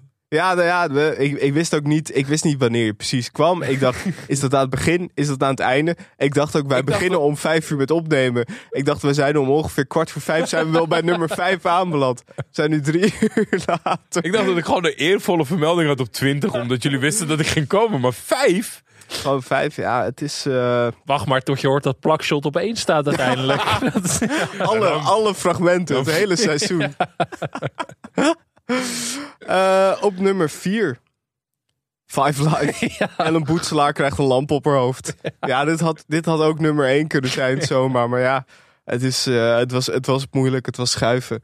Wat een moment. Gewoon de eerste aflevering van de grote comeback van Linda de Mol. ja. En gewoon iemand die precies, gewoon precies Angela de Jong moet voorstellen. Krijgt een lamp op haar hoofd en komt in coma. Ja, dat eh, vind ik, dat is tv. Dat is tv maken. Vooral het moment waarop Waldemar Torenstra schreeuwt... Mijn haar, fuck mijn haar! Had er een boodschap in deze aflevering? Niet in deze aflevering, maar in, de, in Er de af- zaten heel veel boodschappen in Five Live. Maar wat die boodschappen precies waren, da- daar Zullen we komen we nooit er geleden nog steeds over. Maar er komt een tweede seizoen volgens mij. Ik heb dus alleen de eerste en de laatste aflevering van deze serie gezien. En dat was genoeg voor mij om toch weer in te schakelen bij een tweede seizoen. Want vooral Daan Schuurmans in die serie. We hebben, dat, we hebben het vaak over Daan Schuurmans gehad in Mokromafia. was hij hier nog beter? ja. Nou, hier ging hij er echt voor. Zeg maar, hij ging ervoor in Mokromafia. Maar hier was hij echt als zendermanager. Mijn favoriet Daan Schuurmans was wel toch toen hij in één nacht een boek schreef. Die gewoon flink wat had gedronken en dat opeens dat hele boek af was. Ja, was het maar zo'n feest. Hoe vaak heb jij dat geprobeerd, Michel? Ja, heel vaak. Eh, we gaan naar nummer drie. Top drie. Ja, er zijn weinig programma's geweest waar we zoveel plezier aan hebben beleefd dit jaar als de Alleskunner Vips. Ongelooflijk. Onnavolgbaar format. Een onnavolgbaar programma en echt een blik Vips dat ze hebben opengetrokken. Ja, het is ongelooflijk. Ehm, Hoe ver zou jij komen bij het spaghetti-toren bouwen, Jordi? Met harde of zachte spaghetti? Uitstekend. Shirt ontdooien, ben je daar beter in? Shirt ontdooien? Ja, met je lichaamswarmte. Oh, dat denk ik wel. Ik ben wel warmbloedig. Maatbeker vullen. Op gevoel, zonder Ja? dat je de dingetjes Ja? ziet. Ja, ook. Ja, dat vind ik echt. eh, Dat is een van mijn eh, kleine sterke punten die ik eigenlijk moeilijk vind om met mensen te delen. Maar dat is als ik zeg maar als er staat van eh, eh, 400 gram tomaten, dat ik dat dan op de weegschaal lig aan de 3,98. Dan sta ik altijd te glimmen. dus ik denk blind maatbeker vullen gaat me ook goed af. Nee, jij zou afhaken bij het onderdeel gezicht vol knijpers, denk ik. Gezicht vol knijpers? Ja, Ja, nee, dat vind ik de kleine gniepige pijn. Dat vind ik ook bij massages niet lekker. maar ben jij een goede skippiebalvanger? Dat denk ik wel. Michel, hoe ben jij met het balletjes twerken? Ja, balletjes Turk vind ik lastig altijd. Ja, mijn hoogtepunt was toch wel het ijsblokje laten smelten. Ja, misschien moeten we gewoon even naar een stukje luisteren. Ik heb geen paniek. Ik zie wel heel veel paniek hier. Maar ik heb een paar eh, methoden bedacht. En dat, ga ik gewoon, dat rijtje ga ik gewoon af. Handen, ik denk dat dit heel warm is. En voeten. Of er overheen pissen. Dit moet, moet lukken. Ja, toch? Warmste plekjes van je lichaam. Daar gaat hij in. Ik heb wel voorgenomen, ik ga het dus met mijn handen proberen. En goed blazen en wrijven. En als dat niet lukt, dan trek ik toch helemaal mijn kleren uit. Ik heb deze van God onze lieve Heer gekregen. Nou, daar is het altijd warm. Ik denk dat ik ze daar tussen ga stoppen. Wrijven maar en zeker maar en weet ik veel. We gaan ervoor. Kandidaten klaar? Smelten maar. Gewoon allemaal mensen, Charlie Luske, Ferry Somoji vragen... Hoe, hoe ga jij een ijsblokje laten smelten? Mark Hoogkamer. Ja, het is toch echt dat je denkt, wie verzint dit? Charlie Luske die een ijsklontje aan het raspen is met zijn lichaam. Wat denken jullie dat de gage is van zo'n programma? Ik denk echt, echt onthutsend laag. ik ben ik ook ik, bang voor. ik denk ja. echt dat je... Want het zijn zoveel mensen. Ja. Ik, ja, ik, ik zou het niet weten. Wat, wat denken Maar jullie? dit is dus geïnitieerd op, op do- zeg maar, vanuit de drang om maar op tv te zijn. Dat, dat Rob Geus, die al Ja. jarenlang een toonaangevend programma maakt, wat ook besproken is door televisie, dat hij denkt van, ik ga hier aan meedoen. Ja, dat denk ik. Want, want de A-sterren zeggen nee. De B-sterren zeggen ook nee. De C-sterren... Nu doe je Rob tekort. Ja, Rob, ja, er zijn een paar uitzonderingen. Harry Piekema deed onder meer mee. eh, Rob Geus deed mee. Maar ja, als ik jou vraag wie ehm Anne Appelo. Anne Appelo Maar is... ik ben geen musical liefhebber. Ik zag eronder staan dat ze musicals deed. Sam van Dijk. Mingus Dagelet. Nou, die, Die lijkt me familie van eh Denise van Hans. Speelman. Jacques Herp, die ken je natuurlijk wel. Jacques Herp. Manuela. Manuela, ja, ja. Ja, ja, ja. Peter Jan Rens. Ja, het is Ik een ken- gek- deed hij het- ook aan mee. Ik, de- de- ik, zoveel namen, maar ik ken het dus alleen van jullie. Maar wisselen de deelnemers? Of, Ja, elk seizoen zijn er gewoon 68 maar wel een heel mensen. seizoen zo'n hele grote groep deelnemers. Ja, en dan valt er gewoon elke, bij elke opdracht valt er één iemand af. Beetje wie is de mol voor domme mensen? Ja. ja, als je het ijsblokje niet kan laten smelten, lig je er meteen uit. Rood scherm. Maar, Ja, dit, nee, ja, maar dit, is, dit is toch gewoon, zeg maar... We maken er veel grapjes over en, en we hebben het er ook over. Maar dit is toch gewoon eh, waar we beland zijn. Een soort van algoritme die wat verzint voor BN'ers. Ja, maar het grappige is dat hier gewoon bijna een miljoen mensen naar kijken elke week. Ja, maar dat, nee, maar kijk, dat is natuurlijk ook de vaststelling. Dat altijd als wij als eh, eh, puristen gaan eh, doen van we worden gecanceld en we, hebben- we kunnen niet meer meekomen. Omdat we, Kijk, uiteindelijk krijgt het land altijd wat, wat het wil en wat het verdient. Dus ondanks dat ik wel kan zeggen hoe goed jullie zijn, is het probleem dat Nederland liever hier naar kijkt. En dat is heel triest. Je zou hopen dat er zeg maar een soort van model te vinden is waarin jullie kunnen gefaciliteerd worden. Ja, als hier een miljoen mensen naar kijken, Alex, ja, dan houdt het toch wel op. Ja. Gewoon dit programma, de hoeveelheid kijkers, de opdrachten, de mensen. Het is dat je denkt, In zekere zin is dit het ultieme televisieprogramma. Qua absurditeit. ja, in het land televisie is Ja. het echt dat je denkt, Hier, hier, dit is waar mensen op het marktplein in land televisie inderdaad naartoe gaan. Ironisch of onironisch. Kunnen, maar- jullie, kunnen, jullie de- kunnen jullie hier waardering voor vinden dat zeg maar dat het bestaat, dat het bedacht is of dat het werkt? Of... Nou, maar als... Kijk, dit is al een programma. Als mensen hier onironisch naar kijken, dan Wordt heb ik geen vertrouwen meer in de toekomst van ons land. Zeg maar, dat durf ik al te zeggen. Kijk, ik heb van het laatste seizoen elke aflevering gezien. Daar ben ik niet trots op. Maar Nee, dat zou ik heb er zijn. intens van genoten, maar wel met mijn ironische blik. Maar als de mensen echt, zeg maar... Ja, de, de, de, Maar is dat dan de- niet het probleem? Dat je soort van, dat, dat, net als jij, dat je een soort van ramptoerist wordt?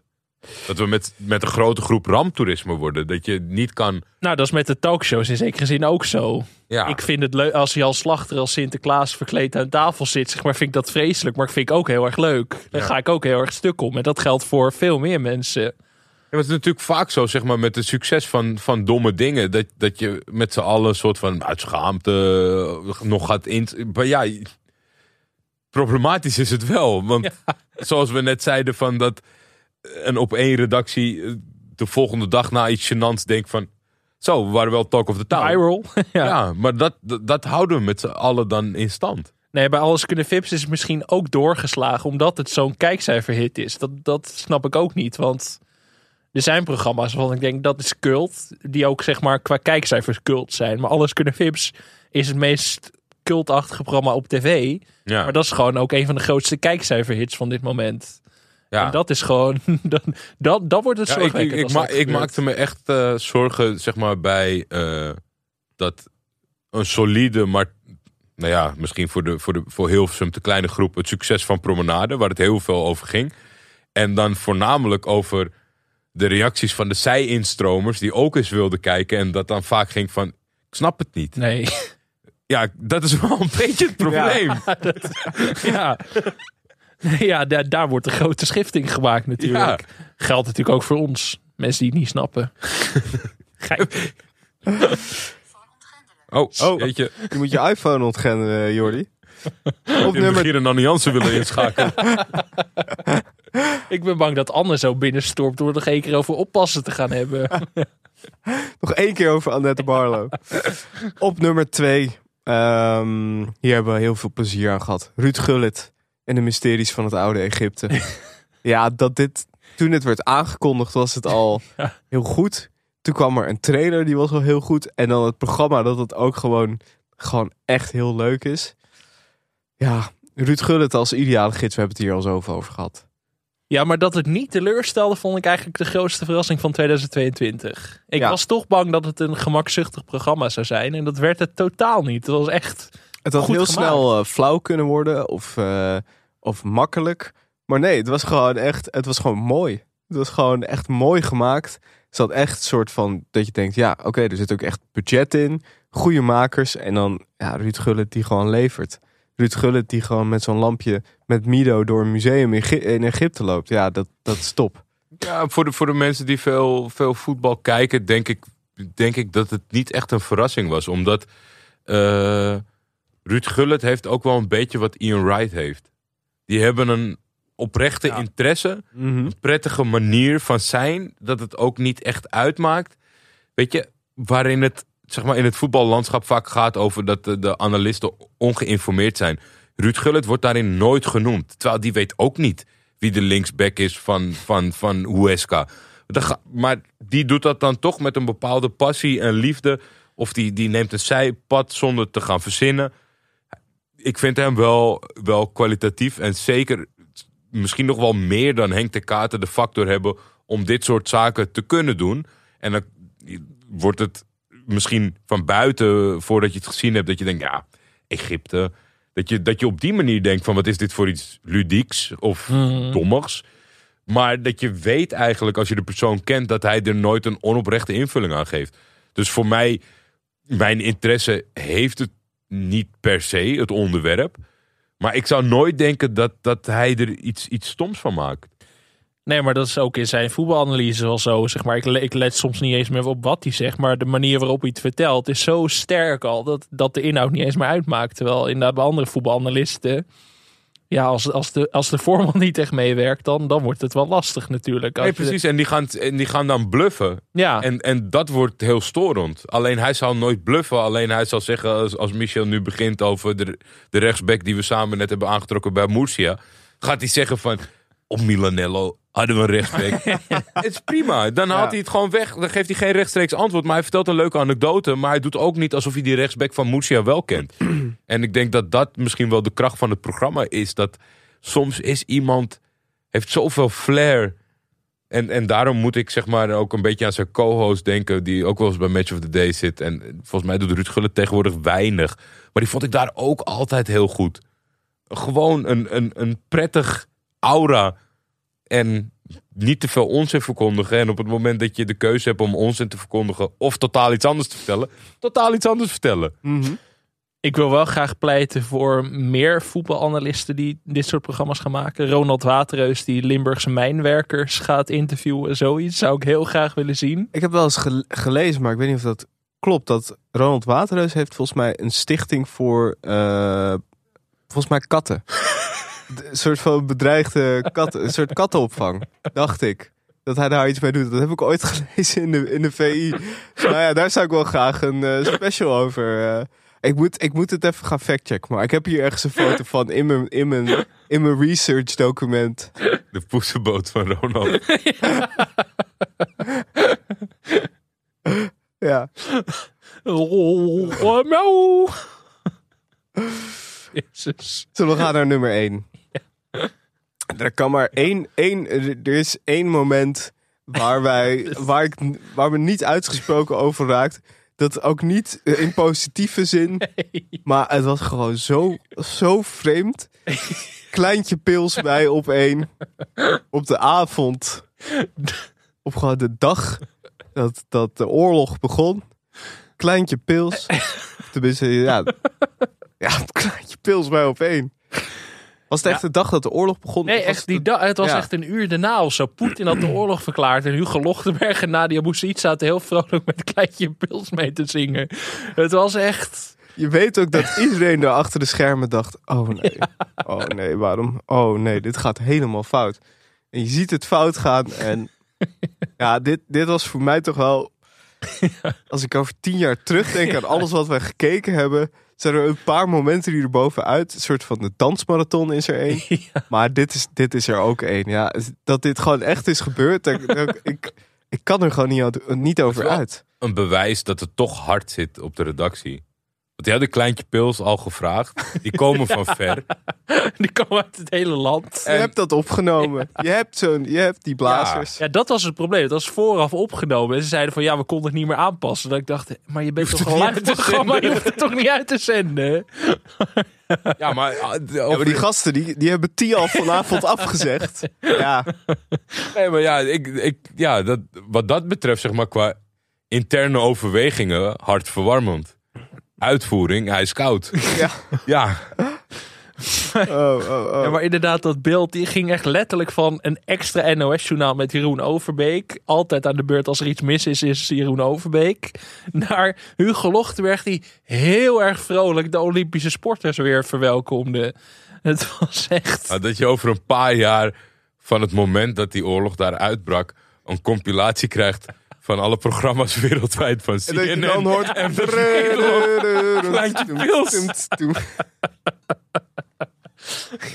Maar wat jij zegt inderdaad, als ik over tien jaar terugdenk aan dit tv-jaar, denk ik meteen hieraan. Ja, ja, ja, kleintje pils bij deze. Het meest memorabele tv-moment. Hebben ze weer hun zin, hè? Weer, Ja, weer nummer één. Weer viral. weer op één. Eh, laten we even gaan luisteren naar een bericht van een, eh, een vriend van de show. Ja? Julien Althuisjes. Mijn waarde Michel en Alex, ik kijk naar buiten en het is grijs. En grijs is ook het haar van Jan Slachter, maar ook het televisie, nee, het podcastlandschap zonder televisie. Grijs. Ik snap dat jullie ermee stoppen. Dat is jullie eh, goed recht en eh, die, die 2,5 jaar moet ook een uitputtende rit geweest zijn. Ik wilde jullie daarvoor bedanken. Voor een altijd eh, slimme, oorspronkelijke en vooral heel grappige blik op, op de puinhoop die het Nederlands eh, televisielandschap is. Dankzij jullie heb ik een paar dingen geleerd en ik denk dat waar ik het meest van heb genoten van de afgelopen jaren was nog wel van eh, Jeroen van de Boom en eh, Jack van Gelder bij Jeroen van de Boom. En ehm, dat is iets waar ik jullie altijd dankbaar voor eh, zal blijven. Ik blijf jullie volgen. En ehm, hopelijk tot gauw in het nieuwe jaar. Met een borrel erbij. Bij deze. Nou, dat, dat gaan we doen. Ik zie ineens na zijn aanhalen van Jeroen van der Boom en Jack van Gelder... dat morgen mensen boven deze podcast gaan tweeten... Hoge bomen robbed. Hoezo kleintje pils? Fuck kleintje pils. Hoge bomen. Ja, weinig hoogtepunten dit jaar in Hoge Bomen, toch wel. Oh, het bestaat nog? Ja, dat was het gewoon een heel seizoen dit jaar. Met Sonja Bakker en Maarten van der Weijden, held. Eh, Was ook wel, was ook wel eh, echt een begin van het jaar. Ja, echt in januari al of zo. Ronald Koeman was volgens mij nog de gast. Dat was al een goede aflevering. Maar verder, ja... Niemand die zoveel media dingen doet met gepaste tegenzin als Ronald Koeman.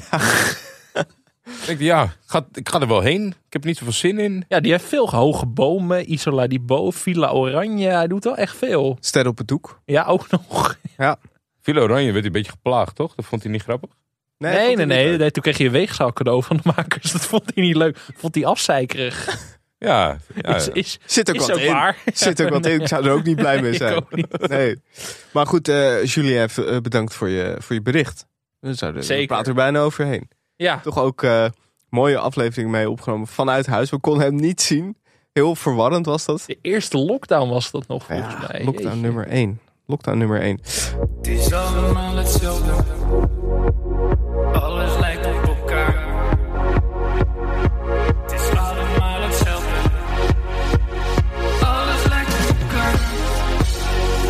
Het is tijd voor een laatste ronde formatjes. Jezus. De aller, allerlaatste Godsamme. formatjes van de Michel Dodeman Format Academy. Het, eh, ik, zal, ik zal beginnen met eentje. Dan kun je, ondertussen kan jij eh, alles, eh, alles opzoeken. Dankjewel dat je me die tijd even geeft. Ik schrik zijn- ineens wakker. Het zijn er ontzettend veel. Ja, ik had zelf eigenlijk dacht ik, ik moet dit gewoon, ik moet dit gewoon laten. Want dit is gewoon de Academy die redt zichzelf. Toch nog eentje. Bowling Stars. 10 BN'ers. één titel. één sport. Presentatie Erik Dijkstra. Deelnemersveld Tineke Schouten. René Vroger. Sosja Duisker. Michael van Gerwen. Irene Moors. Sergio IJssel. Over die laatste vier eh, twijfel ik nog een beetje. Maar ik, ik vond het een, eh, een beetje zoals dat eh curlingprogramma van NPO 1 met Oh, Frans ja. Bauer. Bowling Stars. Zit er wat in volgens mij. Even kijken wat we allemaal nog meer. Een laatste kerstformatje. Laten we beginnen Ja, bij eh Marijne, die een mail heeft gestuurd. En mensen die een mail sturen, ja, dat, het- ja kijk, ik, zou niet, ik wil niet zeggen voorrang, maar toch wel een klein beetje. Postduif onder de, onder de berichten voor ons. Lange mail, maar ik ga hem toch voorlezen, want er zitten veel complimenten in naar ons. En dat vind ik toch gewoon even leuk in deze laatste Ik vind het aflevering. ook, ook ongemakkelijk. Ja, maar dat interesseert me geen reden meer, Michel. Want het is de laatste. Lieve Alex en Michel, wat een schok. Ik luister veel podcasts, maar elke week zodra de nieuwe televisie online staat, laat ik onmiddellijk alles uit mijn handen vallen en schrijf ik alle andere podcasts van de playlist af om naar jullie te luisteren. Ik begon ooit met luisteren, zo ongeveer bij Cola Gate. En vanaf die tijd zijn jullie mijn hoogtepunt van de week. Dat wordt afkicken. Toen jullie een paar weken geleden onaangekondigd vanwege ziekte een aflevering oversloegen, was ik die week helemaal van slag. Je hebt toch zo je gewoonte. Tja, wat moet ik nu? Volgende week nog even genieten van jullie laatste afleveringen. Nou, daar kun je een hele week mee vullen inmiddels volgens mij. En in mijn afkikperiode wat oude afleveringen terugluisteren. Die goede oude televisie. Het land van de lineaire onhippe tv-programma's waar verder het niemand over heeft. Veel dank voor alles. Dikke kus Marijne. Nou, heel lief. En PS. Marijne zat nog te broeden op een kerstformatje. Kijk. Een beetje mosterd naar de maaltijd, maar dat maakt niet uit. Iets van een standaard suffe popie kerstshow op NPO 1. Met daarna op NPO 2 een brave aftertalk met interviews met makers en deelnemers. En commentaar van een brave tv-kenner. Met daarna op NPO 3 een snoeiharde after-aftertalk met luidkeels commentaar op de vreselijke kerstshow. En op die brave aftertalk op NPO 2 met bijvoorbeeld Martijn Koning of Marcel van Roosmalen. Zodat kersthaters alsnog een leuke kerst hebben. Het is nog niet helemaal uitgewerkt, maar toelatingsexamen voor de MDFA zit er nu toch niet meer in. Nou ja, dat weet ik niet. In, eh, de, hoofden van, in de hoofden van veel mensen eh, zal de MDFA altijd voortbestaan. De hashtag is ook eh, een breed begrip op Twitter inmiddels. Hashtag is ontploft. Er zitten af en toe ook hele rare. zijn, er zijn meer mensen die die hashtag gebruiken. En dat je dan opeens in een soort van film, Koreaans film Twitter zit. En dan bij MDFA. Dat kan allemaal. Maar eh, er is maar één eh, goede reden om die hashtag te gebruiken. Dus ik wil ook voor de mensen die nu luisteren. en de hashtag MDFA voor andere doeleinden eh, gebruiken. Niet doen. Willem Dudok. Ook ja, luisteraar van bijna het eerste uur volgens mij. Legend in de podcast game. Ja, Zeker eerste uur. Zeker het eerste uur. En ik kwam hem laatst tegen en toen zei hij hoe groot, dat hij zo'n groot fan was van onze podcast. En toen moest ik tot mijn spijt alvast toegeven dat we gingen stoppen. Ik denk, ik kan, ik kan die arme man nu niet zeg maar vertellen van ja leuk, nee, blijf ervan genieten. En dan een week later zeggen ja, we stoppen ermee. Maar Willem, eh Rode Lantaarn Legend natuurlijk, heeft twee formats ingestuurd. Kijk. Onder meer het format van de Lidl-flat. Een populair geopolitiek programma vanaf het dak van de Lidl-flat. waarbij Freek met, de ambas- met een ambassadeur bespreekt hoe het ervoor staat met LHBTQIA rechten. Uiteraard uitges- uitgesproken op zijn midden-Drents.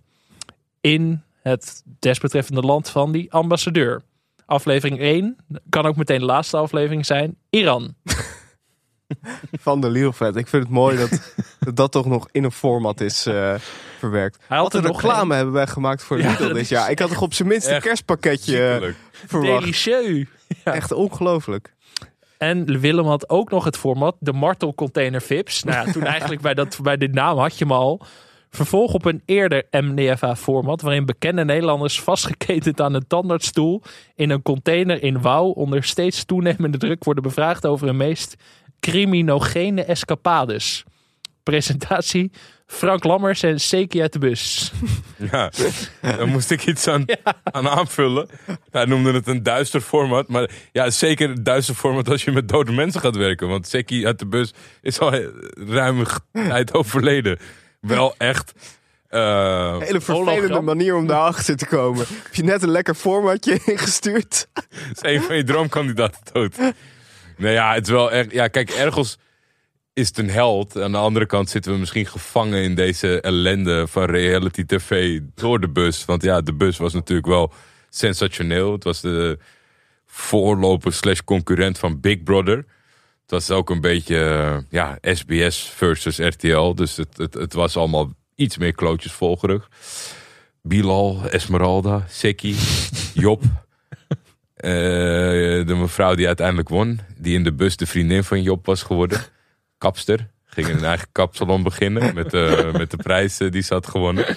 Ja, ik vul het een beetje aan. Omdat het natuurlijk Seki uit de bus. Ik weet niet of jullie hem kennen. Nee, ja, dat dacht ik tijd. al. Ik ken het wel van, eh, Van naam. het begrip. Ja, het begrip, Het begrip ja, de dat ken ik ook wel. Ja, Job is nog heel lang eh, een Nederlandse, Nederlandse volkszanger geweest. Met grote hitjes. Echt waar? Ja, ja, ja. Ja. Wat was de grootste hit? Oh, iets met de zon. Jij bent de zon. Oh, jij bent de ja, zon. dat is Job. Echt Ja, dat is wel een knaller. Die ken ik ook wel. ja, ja, ja. ja, Die- ja, ja. Die, die, die, is, die, die is Job ontgroeid. Oh ja, Job. Job Nieuwenhuizen. Ja. Ja. Legend in the game. Jij bent de zon. ja, kijk, en het was toch, kijk, Big Brother was dan vernieuwend, mensen op elkaars lip. Maar het was wel een huis en een tuin en weet ik, je had, je had bewegingsruimte, maar de bus was een bus. Dat was de- Ja. ja, is toch moeilijker. is toch moeilijker. ja, dat was, eh, ja, voor de, voor de oudere luisteraar, de bus was wel echt een eh, fenomeen. Ik, vond, ik weet niet, het was een heel groot succes, had ik voor mijn idee. Maar volgens mij is er nooit een vervolg op gekomen. Terwijl Big Brother dat bestaat in sommige Dat is landen gewoon, nog nou, bij ons ook. Echt? Ja, zeker. Niet dat is gewoon nog te zien hoor. Ja, met Geraldine Kemper. Jezus. ja, is gewoon op Videoland. Binnenkort begint er volgens mij weer een nieuw seizoen. Geen kwaad woord over Videoland. Alex, hou je mond. Mijn lievelingsstreamingdienst, laten we daar eerlijk over zijn. We gaan snel door naar het voor format van Sjoerd, namelijk Jeroens Boomhut. In deze nieuwe talkshow ontvangt Jeroen van der Boom gasten die dromen van een grote carrière in de showbiz. Gasten die al jaren bezig zijn, maar de naam van A-ster nog niet hebben. Tijdens het gesprek van Jeroen laat hij de gast zien hoe het is om een hoge boom te zijn. Is de gedroomde A-status het allemaal waard of komt de gast tot inzicht en is hij tevreden met zijn huidige status? Plaats van opname, een boomhut in Nationaal Park De Weerribben. Ja, mooi. Mogelijke gasten Jeroen Smits, Koert-Jan de Bruin, Ferdy Stofmeel, et cetera, et cetera. Ja, mooi. Ik vind alle variaties op hoge bomen. ja. dat is mooi. Mensen zijn eindeloos creatief daar. Ik vind het vooral mooi dat mensen gewoon echt lang door, lang zeg maar, dat onze podcastgeschiedenis er ook in verwerken. Ja, de weerribben. Dat we het een keer in aflevering 30 over de weerribben en Ferdy Stofmeel hebben gehad. En dat het toch is blijven hangen. Ja, dankjewel, Dat eh, Ferdy mooi. Stofmeel geen verzonnen naam? Nee, nee, Het is nee. gewoon een acteur. Echt? Ja, met rood haar. Nou, dan weet je, dan weet je wie weet het is. het wel. Nee, wacht. Ik ga hem laten zien aan je. Ferdy Stofmeel, dat klinkt echt als een, als een valstrik voor jullie. Ah, eh, ik zeg, ja. Je hebt hem vast wel eens. Hij zit in elke film en, eh, en serie. Mooi format. Bijrol, eh Echt bijrolsensatie. typische bij. Ja, Ja. Steve Kuipers. eh, Zijn Voor naam is genoemd voor jongere mensen. Merel Barreveld, of sorry, Merel Barreveld stuurde ook een lang bericht in op Twitter. Nee, we gaan het toch voorlezen. We zijn toch al heel lang bezig. Maakt geen reet meer uit. Mannen, wat Ik begin wel jammer. honger te krijgen. zo langzamerhand. Het is kwart over negen. we hebben nog niks gegeten, maar het maakt niet uit. Eh, We moeten nu doorgaan. We hebben beloofd weten- dat we alles gaan bespreken. Dit die, laatste deel is op karakter, jongens. Ja, Ja. het is... in die break van zo'n vijf minuten hadden Voor we... jou was dit we gewoon een neutrale kijkersaflevering. Jordi is nog aan het warm Dit is draaien. de intro. Zometeen gaan we naar de wedstrijd. Mannen, wat jammer dat er een eind komt aan de podcast. Ik heb er 2,5 jaar met liefde een uur per week voor opgeofferd. En wat stom van mij dat er een aangekondigd einde voor nodig is om mij ertoe te bewegen. Eindelijk ook mijn complimenten en mijn inzending voor de MDFA aan jullie door te geven. Maakt helemaal niet uit. Weliswaar laat, maar bij deze. Mijn naam, jouw baan. In mijn naam, jouw baan volgen we BN'ers die tijdelijk wisselen van beroep met andere BN'ers die toevallig dezelfde achternaam dragen. We volgen Vera terwijl ze van haar voetbalpensioen geniet en de beelden van het WK 98 nog maar eens opzet. Ondertussen zien we Dennis, die de laatste debatten voor het kerstreces in de Tweede Kamer met de schitterende techniek voorzit. We zien de voorbereidingen op en de Dansmarathon 2 in zijn kenmerkende coole stijl gepresenteerd door Virgil. Terwijl Wendy met, samen met Joe Gomez het nieuwe defensieve hart van Liverpool probeert te vormen. Rob doet het een weekje rustig aan en gaat na een lucratief optreden op een buurtfeest lekker Chinees bestellen met Mariska. Frans heeft een iets drukkere week, waarin hij als luitenant-admiraal van de Koninklijke Marine plots verantwoordelijk is voor de wereldwijde veiligheid op zee. Zo kan ik nog wel even doorgaan met Jutta en John Leerdam, Vera en Jeroen Pauw en Jan en Suzanne Smit. Ook benieuwd naar jullie ideeën. Eigenlijk had ik ook een wissel tussen aanvoerder van Go Ahead Eagles Bas en astronaut André Kuipers op het oog. Alleen die hebben niet toevallig dezelfde achternaam. Ze zijn namelijk oom en neef. En daarom geschikter voor jullie rubriekje met BN'ers waarvan je niet wist dat ze gerelateerd waren. Mannen, bedankt voor het lachen en het samenvatten van op één, zodat ik niet hoefde te kijken. Ik kijk met plezier uit naar wat jullie in de toekomst gaan maken. Wat een weergeloos goed format. Ik Ja, dit is een heel goed idee. Dankjewel, Merel. Ik denk dan meteen aan Raymond Mens en Harry Mens. Ja, zeker. Ook geen familie. Nee. Bert en Roel Maalderink. Ja, ja, ja. Ja, dat zou leuk zijn. Thibaut en Imke Courtois. Ja, ja. Zeker geen familie. Ja, goed idee. Dankjewel, eh Merel. Eh, we hebben er ook eentje van Gijs. So you wanna be a potstar. Hey. Zowel een oplossing voor jullie voortbestaan als een inzending voor de MDFA.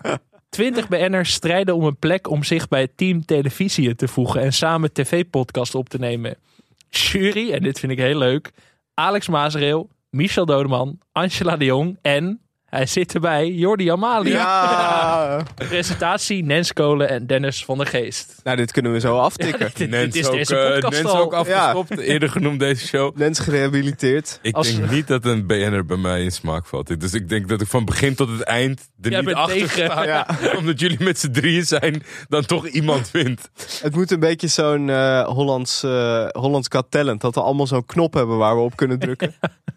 Ik, Dat ben, je ook ik nee voel kan mij zeggen. heel erg Journey Kaagman in deze. zijn stoel die omdraait en dat Jordi de hele tijd omgedraaid blijft. ja, dan hadden deze. Ja, de- deze titel vond ik echt. eh, Ja. Die won meteen de hoofdprijs. Alle tieners zeggen ja tegen MDFA. Van Bastiaan. Op de valreep nog een formatje. Een talentenjacht waarbij probleemjongeren met een drugsverslaving van de straat worden gehouden door samen na te denken.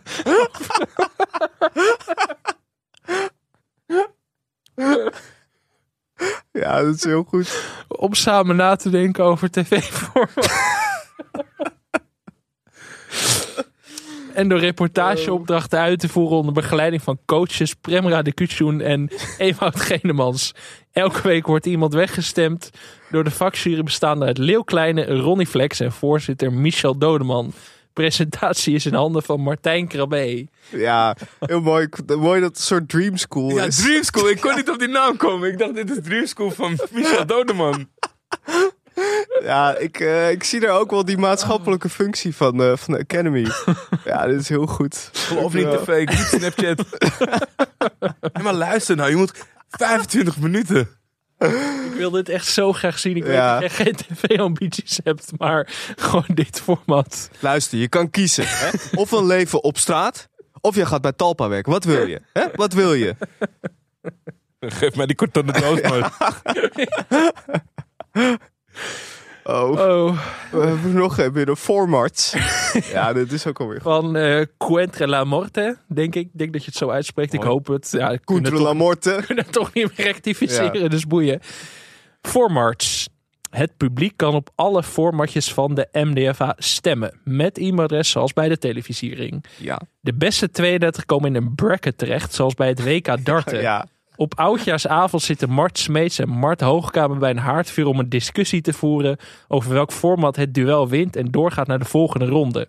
In de finale kan het publiek natuurlijk stemmen door te bellen voor een van de twee formats. Het winnende format wordt daadwerkelijk gemaakt. De show met de Marts wordt op oudjaarsavond integraal op alle zenders uitgezonden en dat lijkt me niet meer dan terecht. Ja, mooi. Mooie verwijzing ook naar het format eh eh, Mart en de Mart. Ja. Een tijdje geleden. Ja, Voor Marts. voor Mart. Heel goed. Ja. Dankjewel. We hadden ook nog een naamloos format van Floor. Ook vast luisteraar van de show. Kan me daar een naam voor verzinnen?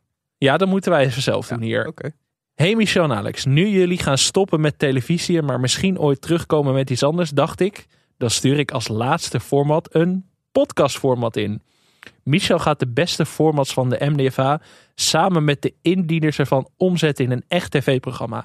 Alex volgt dit en recenseert het proces en het eindproduct. Deze continue feedback in combinatie met briljante formats moet wel fantastische tv-programma's opleveren. En een toffe podcast. Win-win. Ja, mooi. Goed idee. Ja, toch? Voelt een beetje aan als het programma op MTV vroeger. Dat Puff Daddy ging een eh, boyband samenstellen of een girlband. Ja. Ik weet niet hoe het heet, maar dat, dit voelde heel erg als dat eh, aan. Zeg maar eh, goede aanmeldingen en dat jij ze gaat tweaken. Dat wij onze opvolgers gaan klaarstomen. Dat zou Ja. ook wel echt leuk Ik zie, het, ik zie het wel voor me, dat we dan ergens in zo'n loods in Aalsmeer staan. En dat die mensen dan binnenkomen lopen, dat wij met onze armen over elkaar daar staan. Een beetje zo kamp van Koningsbrugge-achtig. Het moet ook een beetje Rocky-achtig worden. Dat ze echt worden, worden voorbereid in de zwaarst mogelijke omstandigheden nog formats kunnen bedenken. Staan we daar als 27-jarige de troep aan te spreken. Dat mensen die soms ouder zijn dan wij met de format aankomen. Dat wij zeggen nee, dat is niks. Kut. Afgekeurd. Moet je dit format maken? Nou ja, kijk, ik heb, ik heb zelf nog iets meegenomen. Is geen eh, uitgewerkt format, maar ik zag een boek van Wim Daniels, Ja. toch ook vriend van de show in zekere Zeker. zin. Dat boek heet Koken met taal. En dat boek, in dat boek zien we Wim Daniels in kokskostuum eh, met een pannendeksel in zijn hand eh, letters in een pan gooien. Toen dacht ik, dit is een format. Ja. Koken met taal. Lucky letters, maar dan koken met taal met Wim Lucky Daniels. letters, holy Christus. Ik vind- Weet je hoe onsympathiek Fledder in het echt is? Ik- ik- was- het- Wij zaten in een bootje en hij stond op een brug. En toen gingen we roepen, Fledder, Lucky Letters. Dan werd hij heel zagrijnig. Ja, omdat Ja. je hem Wolf zat moeten noemen uit Flikker Maastricht natuurlijk. Ja. Het, het is ook een theatershow van eh, Koken met taal, hè? Ja? Ja, ja. Zijn er kaartjes voor? Theater de Leest. Koken met taal. Theater. Die foto. Ja, dan zie je Wim in een... Ja, ik vind, ik vind zo'n soort... Zo'n taalprogramma. Je hebt natuurlijk wat van die taalquizjes en zo. Maar dan in die, in die, in die chef-kok outfit. Ja, vind ik wel heel leuk. Koken met taal. Vuur Griffioen. Dit waren de formatjes, Michel. Hoe voelt dat? Buurt. Gaan we daarheen? Afscheid. Oh, dat is al geweest. Ik heb er nog eentje voor jullie. Heb je al? Hey. Hey. Tenminste, dat leek mij wel verstandig. En misschien de, de, binnenkort eh, veel deelnemers. Uncancelled. Shows die eh, gecanceld zijn in de afgelopen tijd. Die op, eh, nou ja, wat is de best bekeken zender van Nederland? NPO 1, denk ik. Ja. NPO 1, primetime, krijgen nog één kans om het Nederlands volk te overtuigen dat, dat hun, hun format origineel en goed bedacht is. En nou ja, je krijgt eh, vijf à tien minuten. Je krijgt twee, eh, één minuut om te pitchen wat nou je- product was. Ja. En daarna krijg je nog 19 minuten om een, een voorstelling te geven van hetgeen wat je maakte. En dan eh, ehm, aan het eind van de avond mag het publiek zeggen welke show uncancelled wordt en aansluit bij NPO 1. Zit daar ook nog een Deense jury bij eh, toevallig? Of, Nee, eh, niet. Het niet? is Nee. juist in, in Denemarken wordt het niet uitgezonden. Daar is het, ja, daar mag het absoluut niet. Daar gaat alleen kwaliteit natuurlijk. ja, meteen, meteen nee, de jury bestaat uit de bulletje van eh Jacques D'Ancona. Ik hoop dat hij nog in leven is. Dat weet ik niet op het moment van Ja, opname. ja, ja, zeker. En eh, ehm, ja, jezus, die, die derde, dat moet toch een beetje... Een Atje. Ka- ja, Atje en Karin Bloemen. Het is een Ja. vierkoppige jury. In bloemen. Ja. En het wordt gepresenteerd door Paul de Leeuw. Ja. Ja. Ja, Paul de Leeuw heeft het natuurlijk ook wat moeilijker. dus, nou ja, eh, daarom. Omdat, ja. En eh, hij is dan een beetje de, de, de stap tussen twee werelden. Veel succes gehad en dan nu ook lastig. En die weet hoe het is voor de makers die nog één keer een kans krijgen. Ik zie er ook wel een format in voor de podcastwereld. Ik kan... Nou, het is, het, het is dus eh, het is, het is open. Kijk, podcasts worden nu per definitie gefilmd. Dus wat is nog het verschil? Dus, het dus is- Michel en ik kunnen daar ook gewoon gaan zitten. In Ja, voorjaar. uncancelled is voor iedereen. Uncancelled is voor iedereen. Eh, nee, dat meen je niet. Het licht gaat weer uit. Ja, die man denkt ook, ze zijn toch niet nog steeds bezig? Ik denk, ja, 4,5 uur zitten ze in die studio. Moet nu al klaar zijn. Nee, het is nog niet klaar. Het is Lang een niet mooi klaar. moment voor mij om weer even te gaan plassen als het mag. Met permissie. Met permissie, Alex. eh, dan moeten we even gaan eh, zorgen dat, dit- dat dat geluid aankomt. Dat het licht aankomt. I tell you that I love you, forever you'll be mine. A love that's filled with understanding. It will stand the test of time. Ja, we, we, we hebben het helemaal zelf in de hand. toch niet meer uit. We hebben het helemaal zelf in de hand hoe lang we dit kunnen maken. Deze ja, maar vraag. wij hebben beloofd dat we alle luisteraarsvragen mee zouden nemen. Eh, het is tijd voor een eh, audiobericht, Ja. denk ik. Kitty Herwijer, vriendin van de show. Lieve Michel en Alex, ik kan bijna niet in woorden beschrijven hoe jammer ik het vind dat jullie gaan stoppen met de podcast. Maar ik ga toch een poging doen. Ehm, toen ik vorig jaar begon als mediaverslaggever bij de Telegraaf, was jullie podcast een van de eerste tips die ik kreeg om er een beetje in te komen. En ik ben al heel snel helemaal verknocht geraakt aan jullie stijl, de humor. En wat ik het aller, allerleukste vind, is dat jullie met zo ontzettend veel liefde over televisie praten. Want dat is namelijk hoe ik televisie ken uit mijn jeugd. En waarom ik ook een zwak heb voor het medium. Ook op dit moment nog steeds. Ook al wordt er de hele tijd gezegd dat millennials geen tv meer kijken. Het was ook altijd een heel fijn tegenwicht tegenover tv-columns of mediaverslaggeving die soms wat eh, zurig kan zijn. Dus daar wil ik jullie heel erg voor bedanken. Ik hoop toch dat jullie het op een bepaalde manier kunnen voortzetten, dit project. Met een nieuwe podcast ehm, of een ander soortgelijk project, zodat wij jullie trouwe luisteraars niet zonder hoeven. Nou, dankjewel Kitty. Mooie woorden.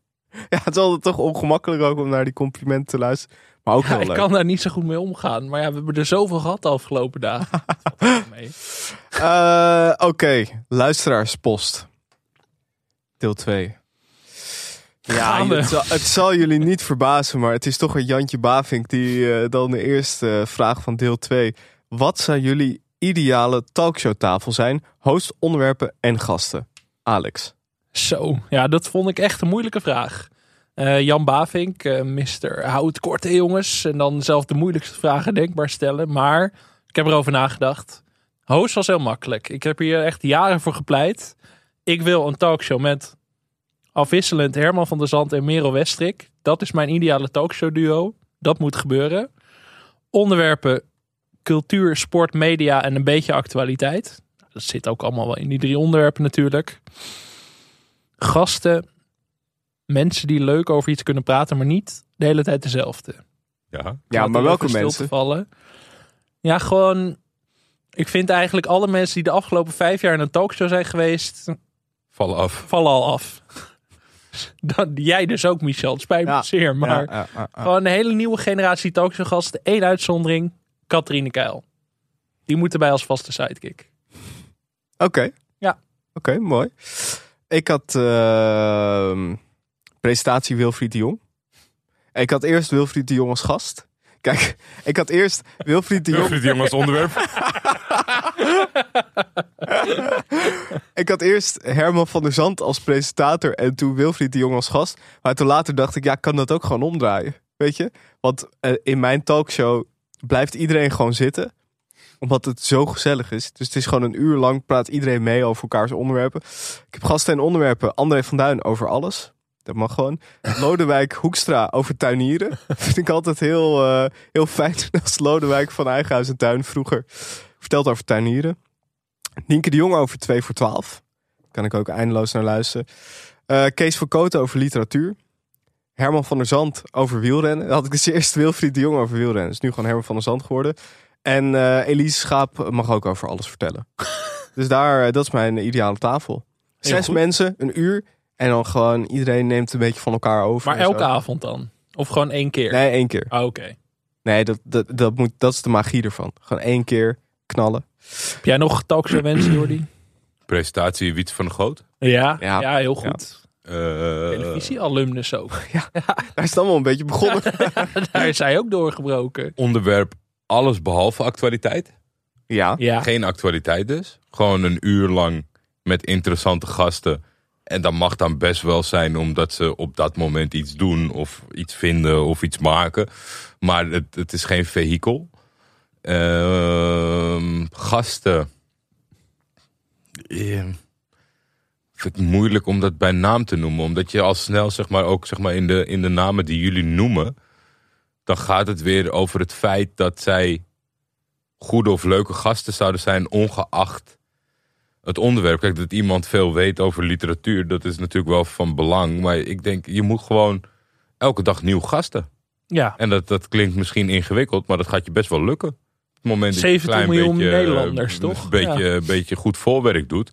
En gewoon eh, vraagt of niet iemand van alles een beetje vindt. Maar als jij eh, een goede recensie hebt geschreven, gaat het over die recensie. Als Michel Doorspelen heeft uitgebracht, dan gaat het over Doorspelen. En dan niet morgen weer Michel, omdat hij Doorspelen heeft geschreven. Dat hij misschien ook wat vindt over een ander boek dat geschreven is. Nee, dan diegene wie dat boek heeft geschreven. Mokkermafia Ik, seizoen 5. Jordi Amali, Alex Maasreel.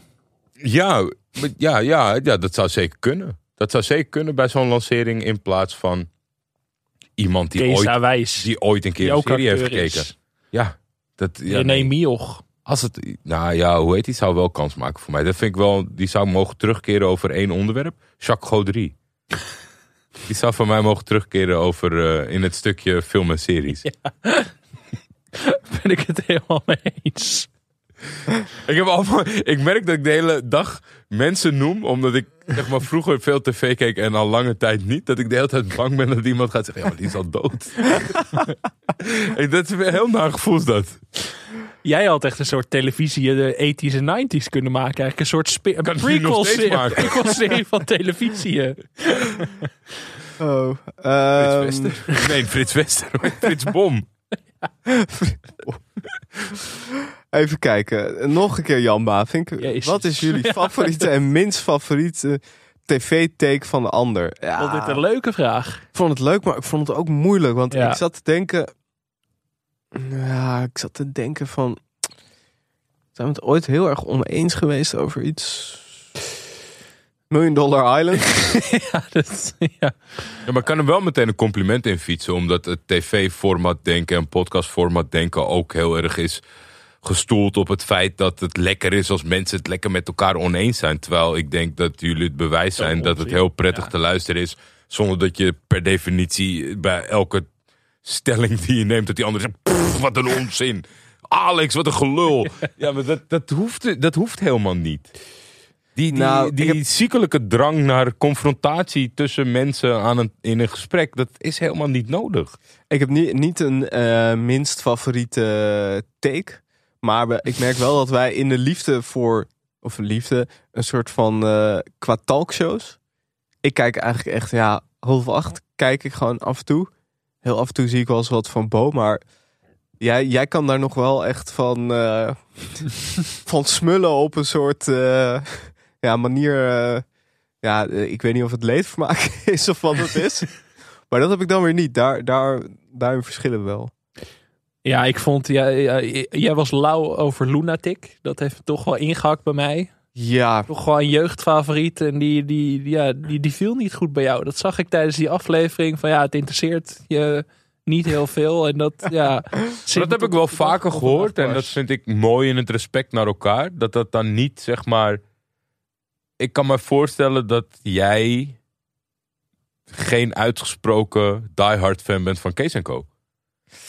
Nee, ik heb Kees Co heb ik vroeger wel altijd, eh, altijd gekeken. Nieuwe Kees Co, dat, dat was niet top. Nee, maar dat, dat ben ik met je eens.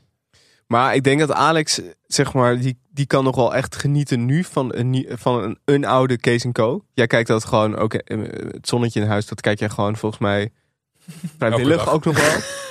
Dat heb, ik dan weer, dat heb ik dan weer niet. Dat ik, dat, ik, ik weet, ik vond het goed. Ik vind het waarschijnlijk nog steeds wel goed. Maar ik, ga, ik, ik heb niet dat ik er dan nog naar, dat ik het nog Nee, maar ik voor denk- de nostalgie. Ik denk dat het, dat het prettiger is dat, dat eh, in zo'n situatie Alex de ruimte krijgt om gepassioneerd daarover te praten. Zonder dat het, eh, zeg maar, eh, tegenwerking krijgt. Jan Bavink is nu eh, 28 keer genoemd. En die heeft eh, 30 dagen lang tegenover mij lopen oreren over Messi. En Oh.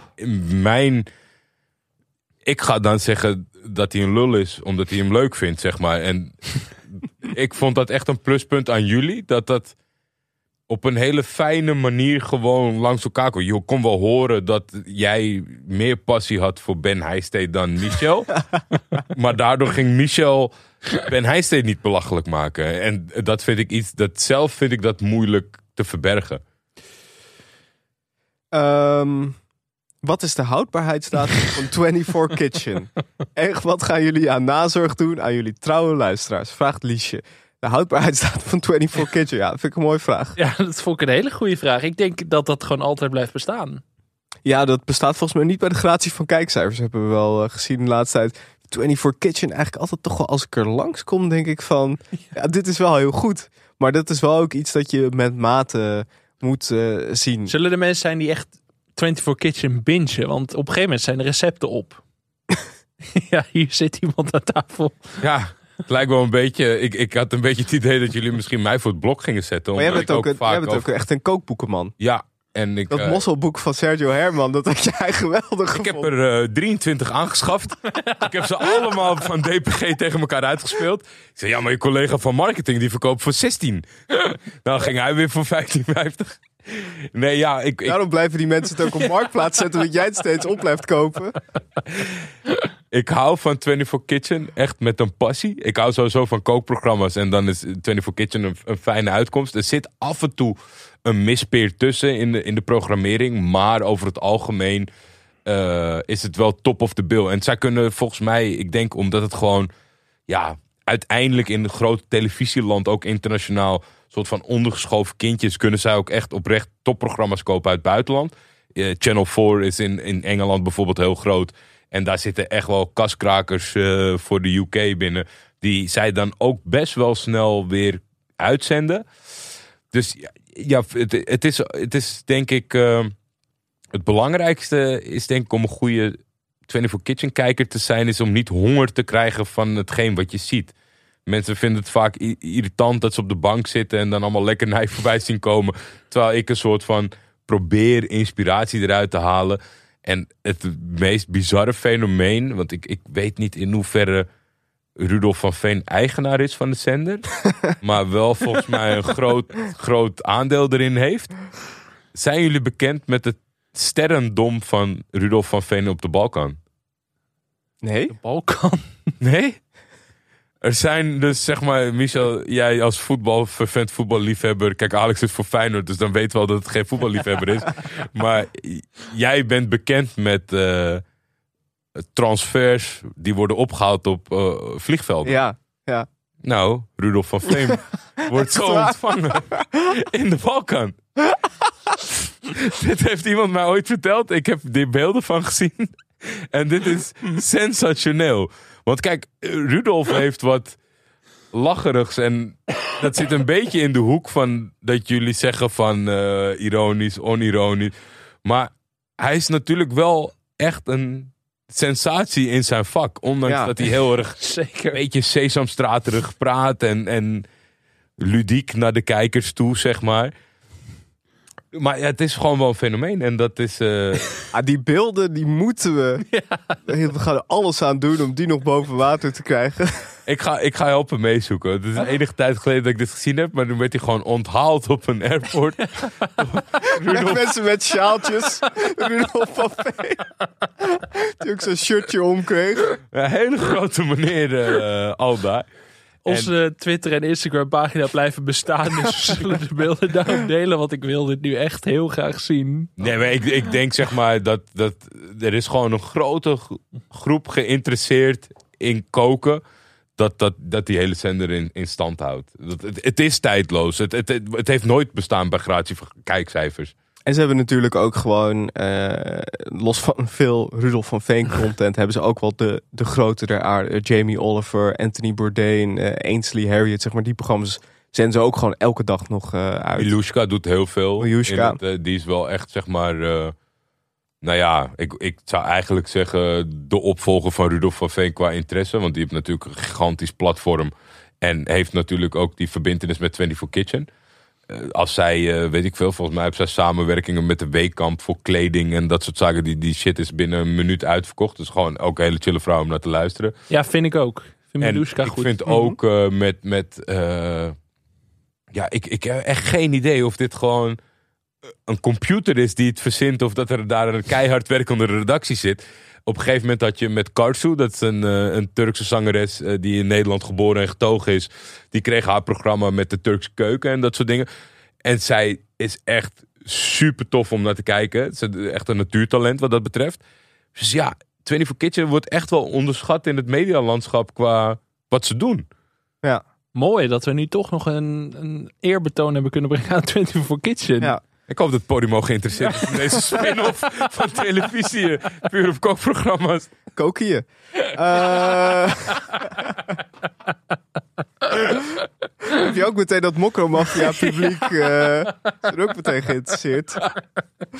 Sarcasmoloog op eh, Twitter vraagt wie gaat jullie opvolgen en hoe erg moeten we diegene afbranden? Ik hou van deze energie, maar ja. Niemand Nee. gaat ons opvolgen. Nee joh. Als iemand aan de haal gaat met televisie, dan krijgen ze met mij te maken. Eh, we kregen ook een bericht van eh, Mark Moorman, eh, jouw collega. van Zeker. Eh. Chef zelfs. Goeie, jouw chef. Oh, nou, goede, goede schrijver, vriend van de show. Vast luisteraar. Niets dan lof. Niets dan lof. Eh, misschien kunnen jullie nog eens uitleggen hoe, je, hoe jullie op de naam van de show zijn gekomen. Als iemand die ook nog wel eens zit te denken over titels van rubrieken en podcast, heb ik het toevoegen van het trema aan het woord televisie altijd een geniale ingeving gevonden. Ik moet even eerlijk zijn. Ik vond het in eerste instantie een waardeloze titel. ik was tegen. Ja. Ik was voor de Natte Haartjes Show. Maar toen werd terecht de opmerking gemaakt dat dat iets te pedofiel Ja. zou klinken. Nou, we moeten of een eh, gekke spin-off van Martin Gaus. de natte, ja, de natte neuzen, natte neuzen show. Hebben we Nee. het daar ooit, nooit over gehad, toch? Nee, Nee. Wauw, dat is ook een parel van de Nederlandse Ja. televisie. Ja, zonde. Wat een, wat een wereld eh, was er nog. Nou, maar eh, deze titel, dat is wel leuk om te zeggen, is eh, bedacht door Anne Janssens. De oprichter van eh, eh, Dag en Nacht Media, samen met Tim de Gier. En die kwam eigenlijk heel snel met televisie. Nou, hij kwam eerst met In de Vlaamse podcast. Ja, Die en hebben wij toen afgekeurd. dat was ook de bedoeling dat we alleen maar... In de Vlaamse pot gingen recappen. ja, dat was, dat zat ook een beetje gewoon een persoonlijke, persoonlijke wens van eh, eh, Anne was dat. En toen kwam je met... voorstellen eh, wat voor publiekshit dat was geworden. Een weekend podcast van In de Vlaamse Goeie Pot. comedy. Ja, zeker. Goeie comedy. Maar toen kwam hij met televisie en toen dacht ik, nee, dit is niks. En jij zei, dat is wel wat. En ja, nu ben ik ervan overtuigd dat het de beste podcasttitel ooit is. zo geschieden. Eh, ja, het, eh, ja, waar hij het vandaan heeft gehaald, daar zullen we nooit achter komen. Dat heeft Anne eh, altijd verborgen weten te houden. Maar ik ben het ermee eens. Het is, eh, het is ook makkelijk wat mensen zoeken. Het is perfect wel, eh, voor je zoektermen. Want mensen zoeken televisie op Spotify. dan kom je dit tegen. En toch is het ook verwarrend voor sommige mensen. Ja, het is Er verwarrend. zijn mensen die het televisieën noemen met een N erachter. ook leuk, een werkwoord ervan maken. Vind ik ook prima. Patrick Lodiers of Patrick Lodiers, die noemde televisie. De podcast televisie. Dan denk ik, ja, Ja, zo, daar, kunnen we, daar, komen we, zijn. daar, daar komen we niet mee weg. nee, daar komen Je kan, we niet, je kan ook je podcast niet podcast noemen. Radio. Dat zou leuk zijn. Welkom bij de podcast podcast. Nee, Patrick Lodiers heeft het vanuit zijn vak natuurlijk heel lang heel eenvoudig moeten houden. en dan zit je op Radio 1. Hij Dan is moest, het heel wat anders. Die comedians aansturen. In de voorwerpenronde, dus daar kon je niet, eh, kon je het niet te bond maken. Vraag van eh Dylan van Beckham, ook vriend van de show. Wat is het slechtste goed bekeken programma en wat was het beste slecht bekeken programma in de televisiejaren? Goeie vraag. Uitstekende vraag. eh Dylan van Beckham, All-Stars alumnus in deze podcast. Mhm. Ja, het slechtste goed bekeken programma is voor mij Massa is Kassa. Waar wij een aflevering over hebben Had ik ook. gemaakt. Ja. Ja, ik begrijp het nog steeds niet. Nee, dat ga, dat ga ik ook nooit leuk vinden. Nee, de- ik zie de charme niet. Ik zie de. Nee, ik zie er eigenlijk niks aan wat ik leuk vind. Ja. Spijt me zeer voor alle fans van het programma die ook naar deze podcast luisteren. Eh, en beste slecht bekeken programma? Twee titels: I Want Your Song. Gigantisch geflopt, maar wel, ik vond het een heel leuk programma. Ik Ja. blijf erbij. Ja, en toch promenade in zekere zin. Ja. Ja, ja, ja. Ehm, ja, ik dacht ook aan Promenade, maar dat, eh, ja, het, het voelde ook niet goed om dat als slecht bekeken programma neer te zetten. Hoewel het naar misschien de eh, eh, de Alleskunner Vips maatstaven inderdaad tegenviel. Ik dacht, ik moet toch met twee andere dingen komen. De Verhulsjes is volgens mij in ieder geval op lineaire tv matig bekeken. Toch echt mijn favoriete reality show. Soap.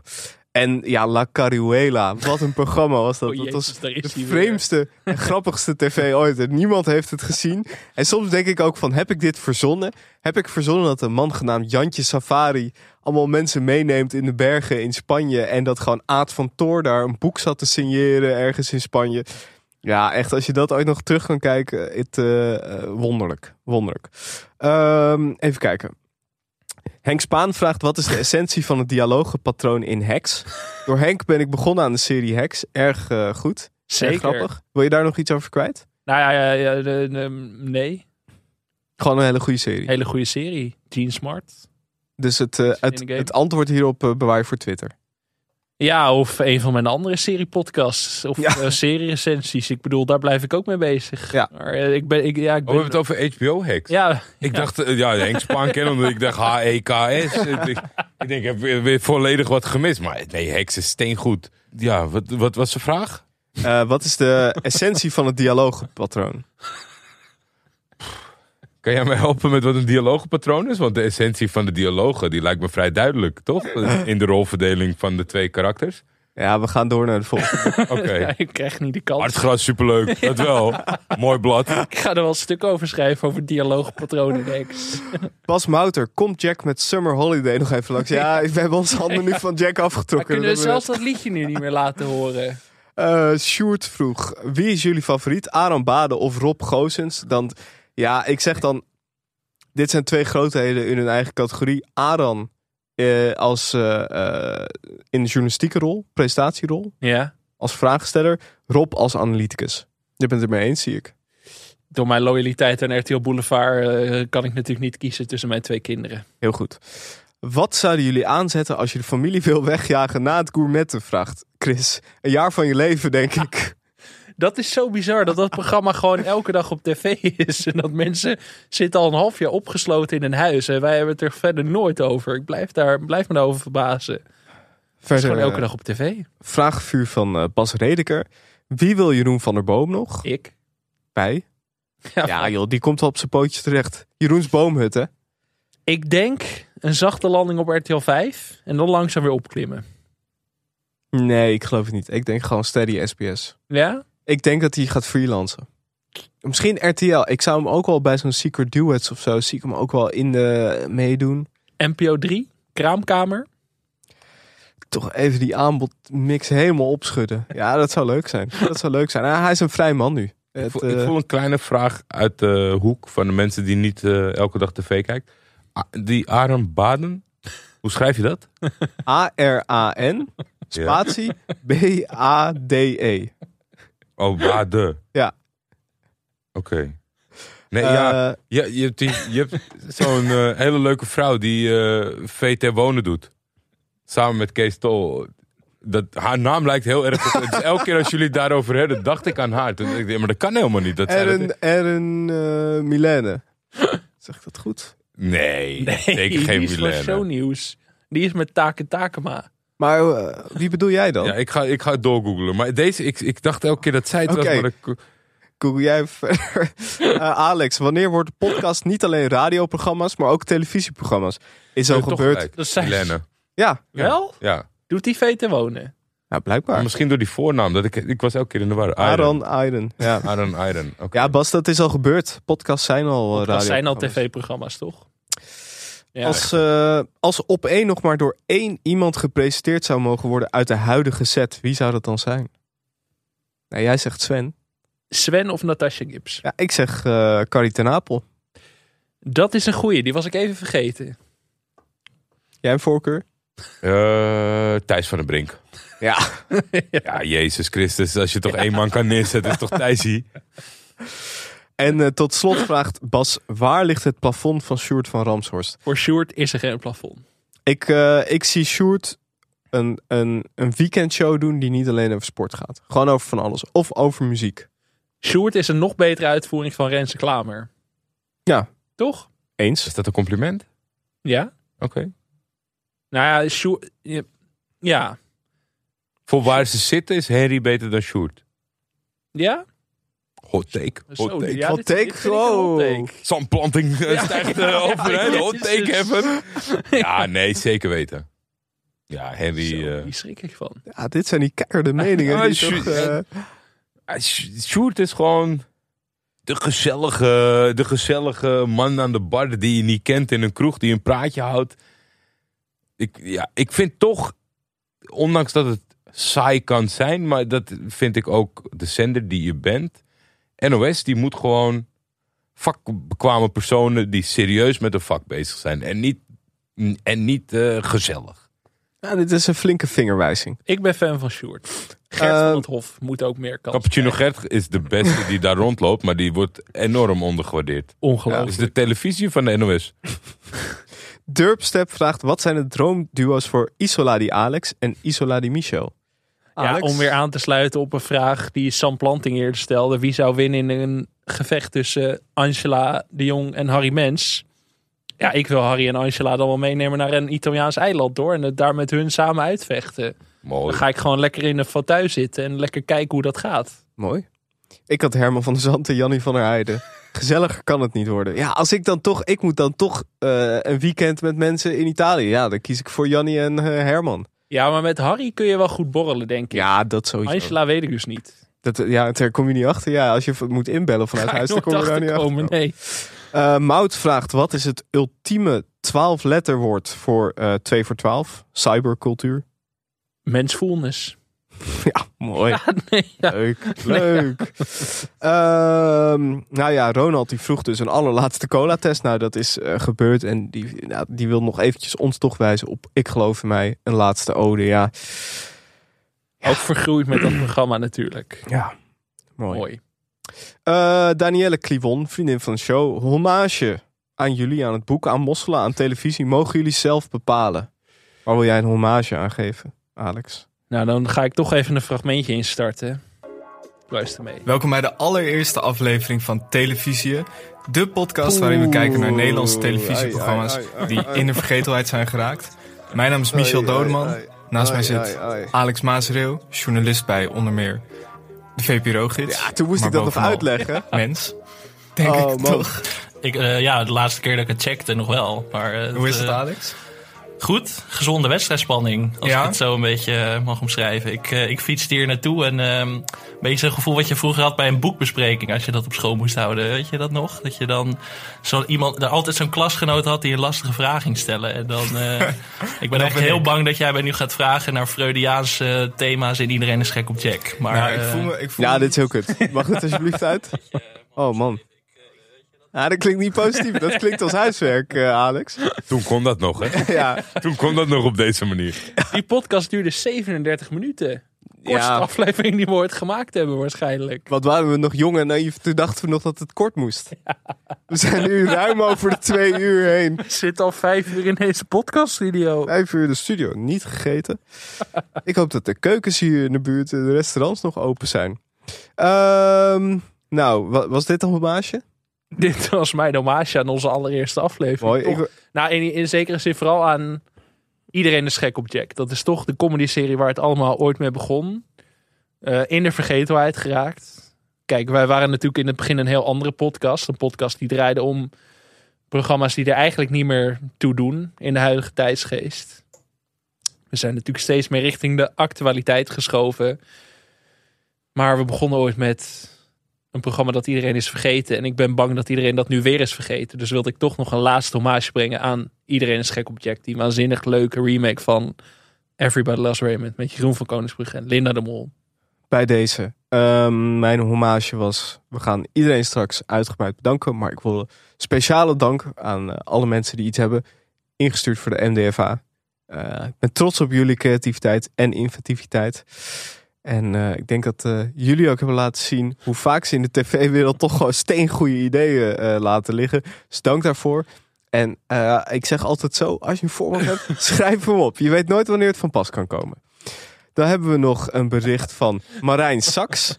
Zegt, ja, of we dat fragment van Willem van Hanegem. Die, die zegt: Een cirkel is altijd rond. Of we dat nog konden opduikelen. Ik ga mijn best doen om het erin te plakken. Maar als het niet gelukt is, dan is dit alvast bij voorbaat mijn excuses dat ik dat fragment niet gevonden heb. En tot slot de laatste vraag. Sjoerd, eh, nog een allerlaatste verzoekje. Kunnen jullie de onderzoeksredactie aan het werk zetten om de dood van Ben Heijstee te onderzoeken? Vraag me af hoe de beste man aan zijn eind is gekomen. Sjoerd, eerste vriend van de show. Alex, nog één keer, nog één keer vertellen wat er nou is gebeurd met Ben Heijstee? Vijf seizoenen Kees en Co. Elke week genieten voor jonge Alex. En bij de start van seizoen 6. Simone Kleinsma, oftewel Kees Heijstee, zit bij het graf van Ben Heijstee. En legt uit dat Ben Heijstee om het leven is gekomen. Zeer tragisch, doordat hij een wc-bril op zijn hoofd heeft gekregen. Waarom had je dan ook niet je helm op, sukkel? Het meest emotionele tv-moment uit mijn hele leven. Ja, een wc-pot. Nee, wc-pot. Pot, ja. ik pot, wou ja. zeggen, van een, van een wc-bril ga je toch niet dood? Heb je vaak een wc-bril op je hoofd gehad? Nou, dat niet, maar ik kan me niet zo goed voorstellen dat ik er dood van ga. Zeker met die vertraging die je tegenwoordig hebt, dat hij niet kleppert. Ja, maar, eh, jij zit hier nog steeds heel ontspannen, Jordi. Eh, jij, jij, begint, jij begint het warm te rijden. Michel en ik zitten echt... De laatste loodjes Dit is Vijf op uur. hun tandvlees. we, zitten, we hebben nog nooit, we hebben nog nooit langer dan anderhalf uur opgenomen, volgens Nee. mij. En nu keer twee. Michel is schijndood. Ik, eh, mijn ogen vallen ook langzaam dicht. Dus eh, ik weet ook straks allemaal niet meer wat ik gezegd heb. Ik heb gewoon echt die, ook. hongerklop, weet je wel. Ik ben, ik ben bijna op die top van die mond van toe. En ik voel gewoon mijn maag ronden. En ik weet niet meer van... even voor. de Rode Lantaarnstudio rennen voor een jelletje? Ik weet van voren niet meer waar ik van achteren ben. Eh, dit was het dan. We gaan Jezus. echt afronden nu. En eh, we moeten wat mensen bedanken. Allereerst willen we eh, alle gasten die eh, de afgelopen jaren zijn langsgekomen bedanken. Jordi, jij bent hier nu. Wij kunnen die tegen jou Hiervoor heb zeggen. ik hem meegepakt. Ik ga nog één keer lang. Dan zit ik in ieder geval in ronde 1. Bedankt aan jullie allemaal. Jullie hebben ontzettend veel leuke bijdragen geleverd aan deze podcast. Nou ja, en eh, wij hebben bijdrage geleverd aan hun carrières. Laten we ook eerlijk zijn. Hè, Wiets van de Goot noemden we net al. Jeroen Woe, televisieringwinnaar. Dat is toch aan ons te danken. Ja, dus eh, heel erg bedankt eh, daarvoor. Dat, eh, voor jullie enthousiasme en eh, voor dat jullie er waren. Dat, eh, dat was echt een van de leukste onderdelen aan deze podcast. Zeker. Verder moeten we een aantal mensen bij eh, dag en nacht absoluut bedanken. Eh, allereerst Tim de Gier, Anne Janssens, oprichters van Dag en Nacht Media. Eh, van harte bedankt dat jullie ons de kans hebben gegeven om, eh, om dit te maken. Tweeënhalf jaar lang. Ehm, toen begonnen was er absoluut geen garantie dat het op ook maar enige manier leuk zou gaan worden. We hadden ook geen idee. We zeiden we gaan een podcast over tv maken. Ja, er was, er was echt geen plan. Nou, dat is Eh, uiteindelijk gelukt. Er is nog steeds niet echt een plan. Maar dat is Ehm, gewoon mooi de cirkel rondgekomen. En Tim en Anne hadden heel makkelijk kunnen denken. dit is heel. eh, dit is geen. Dit is een vaag idee. Dit is niet. Hier is niet goed over nagedacht. Eh, maar dat zeiden ze niet. Ze zeiden meteen: dat is leuk. Kom maar langs. En eh, ga dit vooral maken. Dus dank daarvoor. Eh, Om dat in een perspectief te plaatsen. Iemand is hier binnengekomen die zei van... Ik wil een podcast starten. De Vis Detective. Die persoon wist niet heel veel van vissen. En toen zeiden ook Tim en Anne, superleuk idee. En ik heb genoten van de drie afleveringen die deze meneer gemaakt heeft. Het was een andere tijd. Laten we het daarop houden. ik weet nog wel dat ik hem sprak op een borrel. Ja, Ja, dat, op de lancering van de Kwakenstraat. Ik, was echt- ik, ik hou van vis om het te eten en om ze te bekijken. En ik dacht van, oh vet cool, deze man gaat me allemaal ins en vertellen.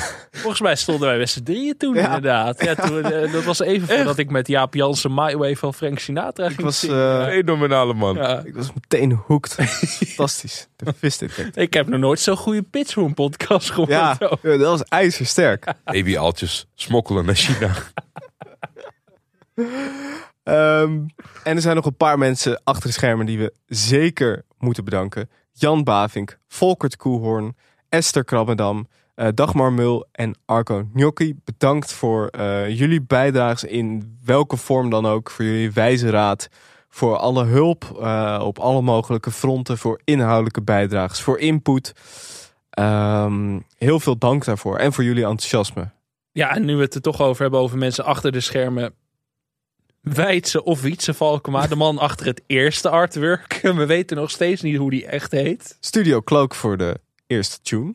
Eh, Lucas de Gier voor de nieuwe tune. Ja. Ook een eh, leuke aanvulling. Eh, ja, god, wat, wat hebben we nog meer? Ehm, Voor wie, voor, voor- door wie zijn al die jingles gemaakt? eh, de nieuwe zijn door Lucas de Gier gemaakt. De oude zijn door Studio Cloak gemaakt. Hm. Dus die hebben dat allemaal verzorgd. Dus eh, ja, heel erg bedankt Ja. voor, eh, voor alle, alle, alle bijdrages en voor het eh, veel beter en leuker maken van deze podcast.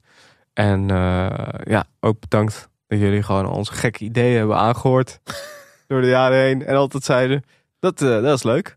Ehm, daar zijn we heel blij mee. En tot slot moeten we natuurlijk jullie bedanken, luisteraars, ehm, vrienden van de show ook, zeker. Maar überhaupt alle luisteraars, bedankt dat jullie eh, geluisterd hebben, dat jullie input geleverd hebben. Dat jullie met formats, met nieuwtjes, met analyses kwamen. Ehm, Ja, dat is echt ongekend het onderzoekswerk van sommige luisteraars in, in, in de podcast staken van... Kees Rottinghuis, die gewoon die oranje M&M's hebben Ja, onderzocht. ik herinner me ook eh, de, de, een hele deep dive in KRO en CRV logo's. Ik Ja. bedoel, ja, waar vind je dat nou nog? Zeg maar. dat, en dat waardeer ik echt. Zeg maar, elke week, maakt niet uit hoe droevig de tv-week ook was, er was altijd input van de luisteraar. Dat vond ik wel echt fantastisch. Ja. Zonder die luisteraars, nou, waren we al lang gestopt. Is nu makkelijk om te zeggen natuurlijk. Maar, zeg maar die extra input die de luisteraars elke week aan de show gaven, vond ik wel echt heel erg mooi. Dus daar Ja. wil ik ze voor bedanken. En ook voor alle lieve berichten die jullie gestuurd hebben. We, we hebben ze bijna allemaal meegenomen in deze vijf uur aan podcast. Maar ook de mensen die gewoon niks per se te zeggen hadden, maar wel wilden zeggen dat ze genoten hadden van de podcast, wil ik ook even bedanken bij deze. Ja, als we dat nog allemaal mee zouden nemen, dan... eh, kijk, het is nu ruim tien uur s'avonds eh geweest. Het licht is al twee keer uitgevallen. ik, zie, ik zie langzaam dubbel. ik, eh, ik heb gewoon een hongerklop. maar dus als we dat allemaal hadden meegenomen... Eerste podcast waarbij de host gewoon oud gaat.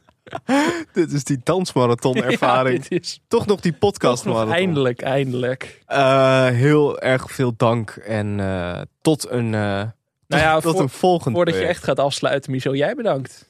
Nou, Toch, ehm, ik herinner me een borrel van Voetbal International. Over de toekomst van het voetbal, volgens mij. Ik weet niet eens meer wat het was, maar was in de Bali. in- in de Bali. En daar was ineens Michel Dodeman, die ik vaag kende van Twitter. En die zei van, ah, ja, je hebt ook iets met tv, toch? En langzaam is daar iets uit ontstaan. En dat werd televisie. Nou, Alex, jij ook heel erg bedankt voor al je enthousiasme. En eh, nou ja, het, het spreekt voor zich dat we van plan zijn om weer iets nieuws te gaan maken in de toekomst.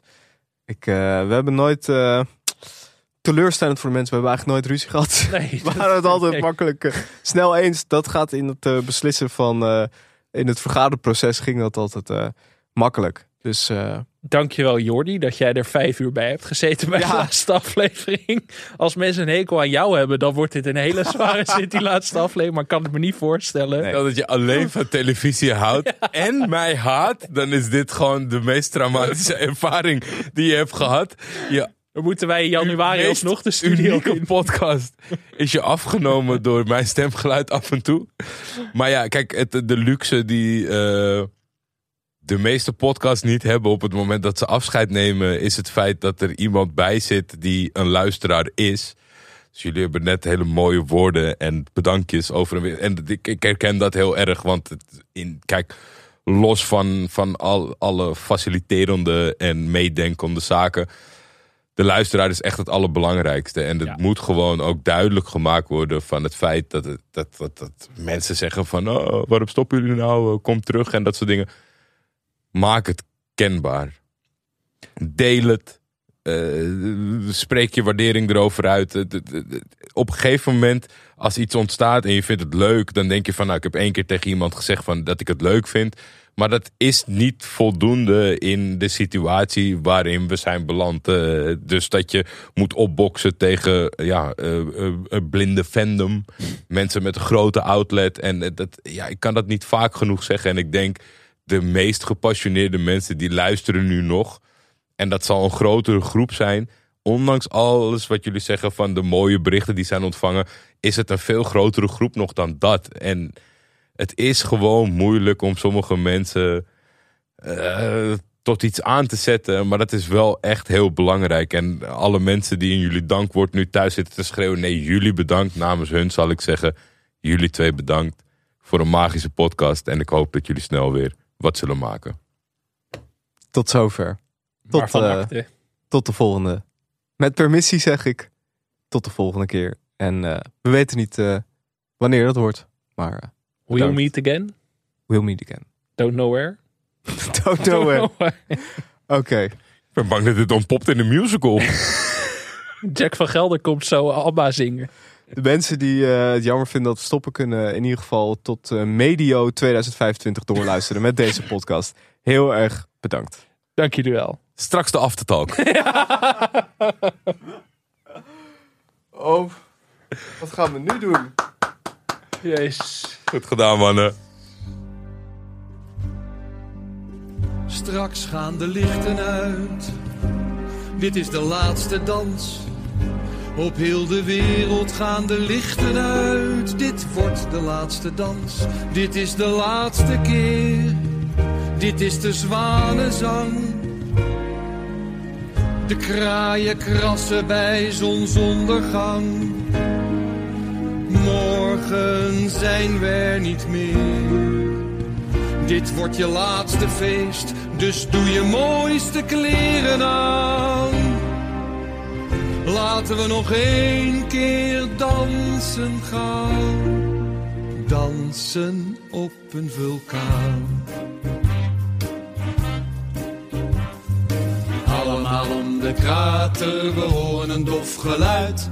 Het staat als een paal boven water, morgen barst die uit.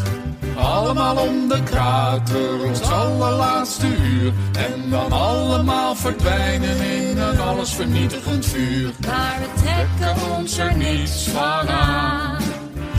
We beginnen weer van voren af aan. Het is altijd zo gegaan, nooit iets anders gedaan.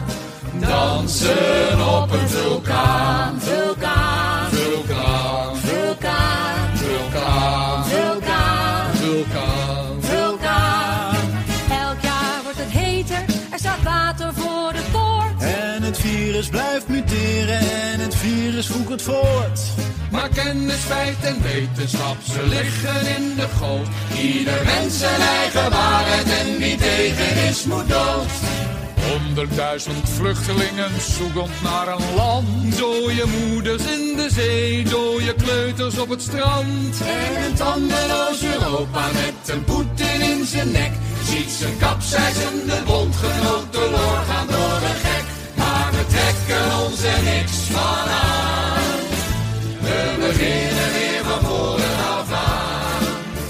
Het is altijd zo gegaan, nooit iets anders gedaan. Dansen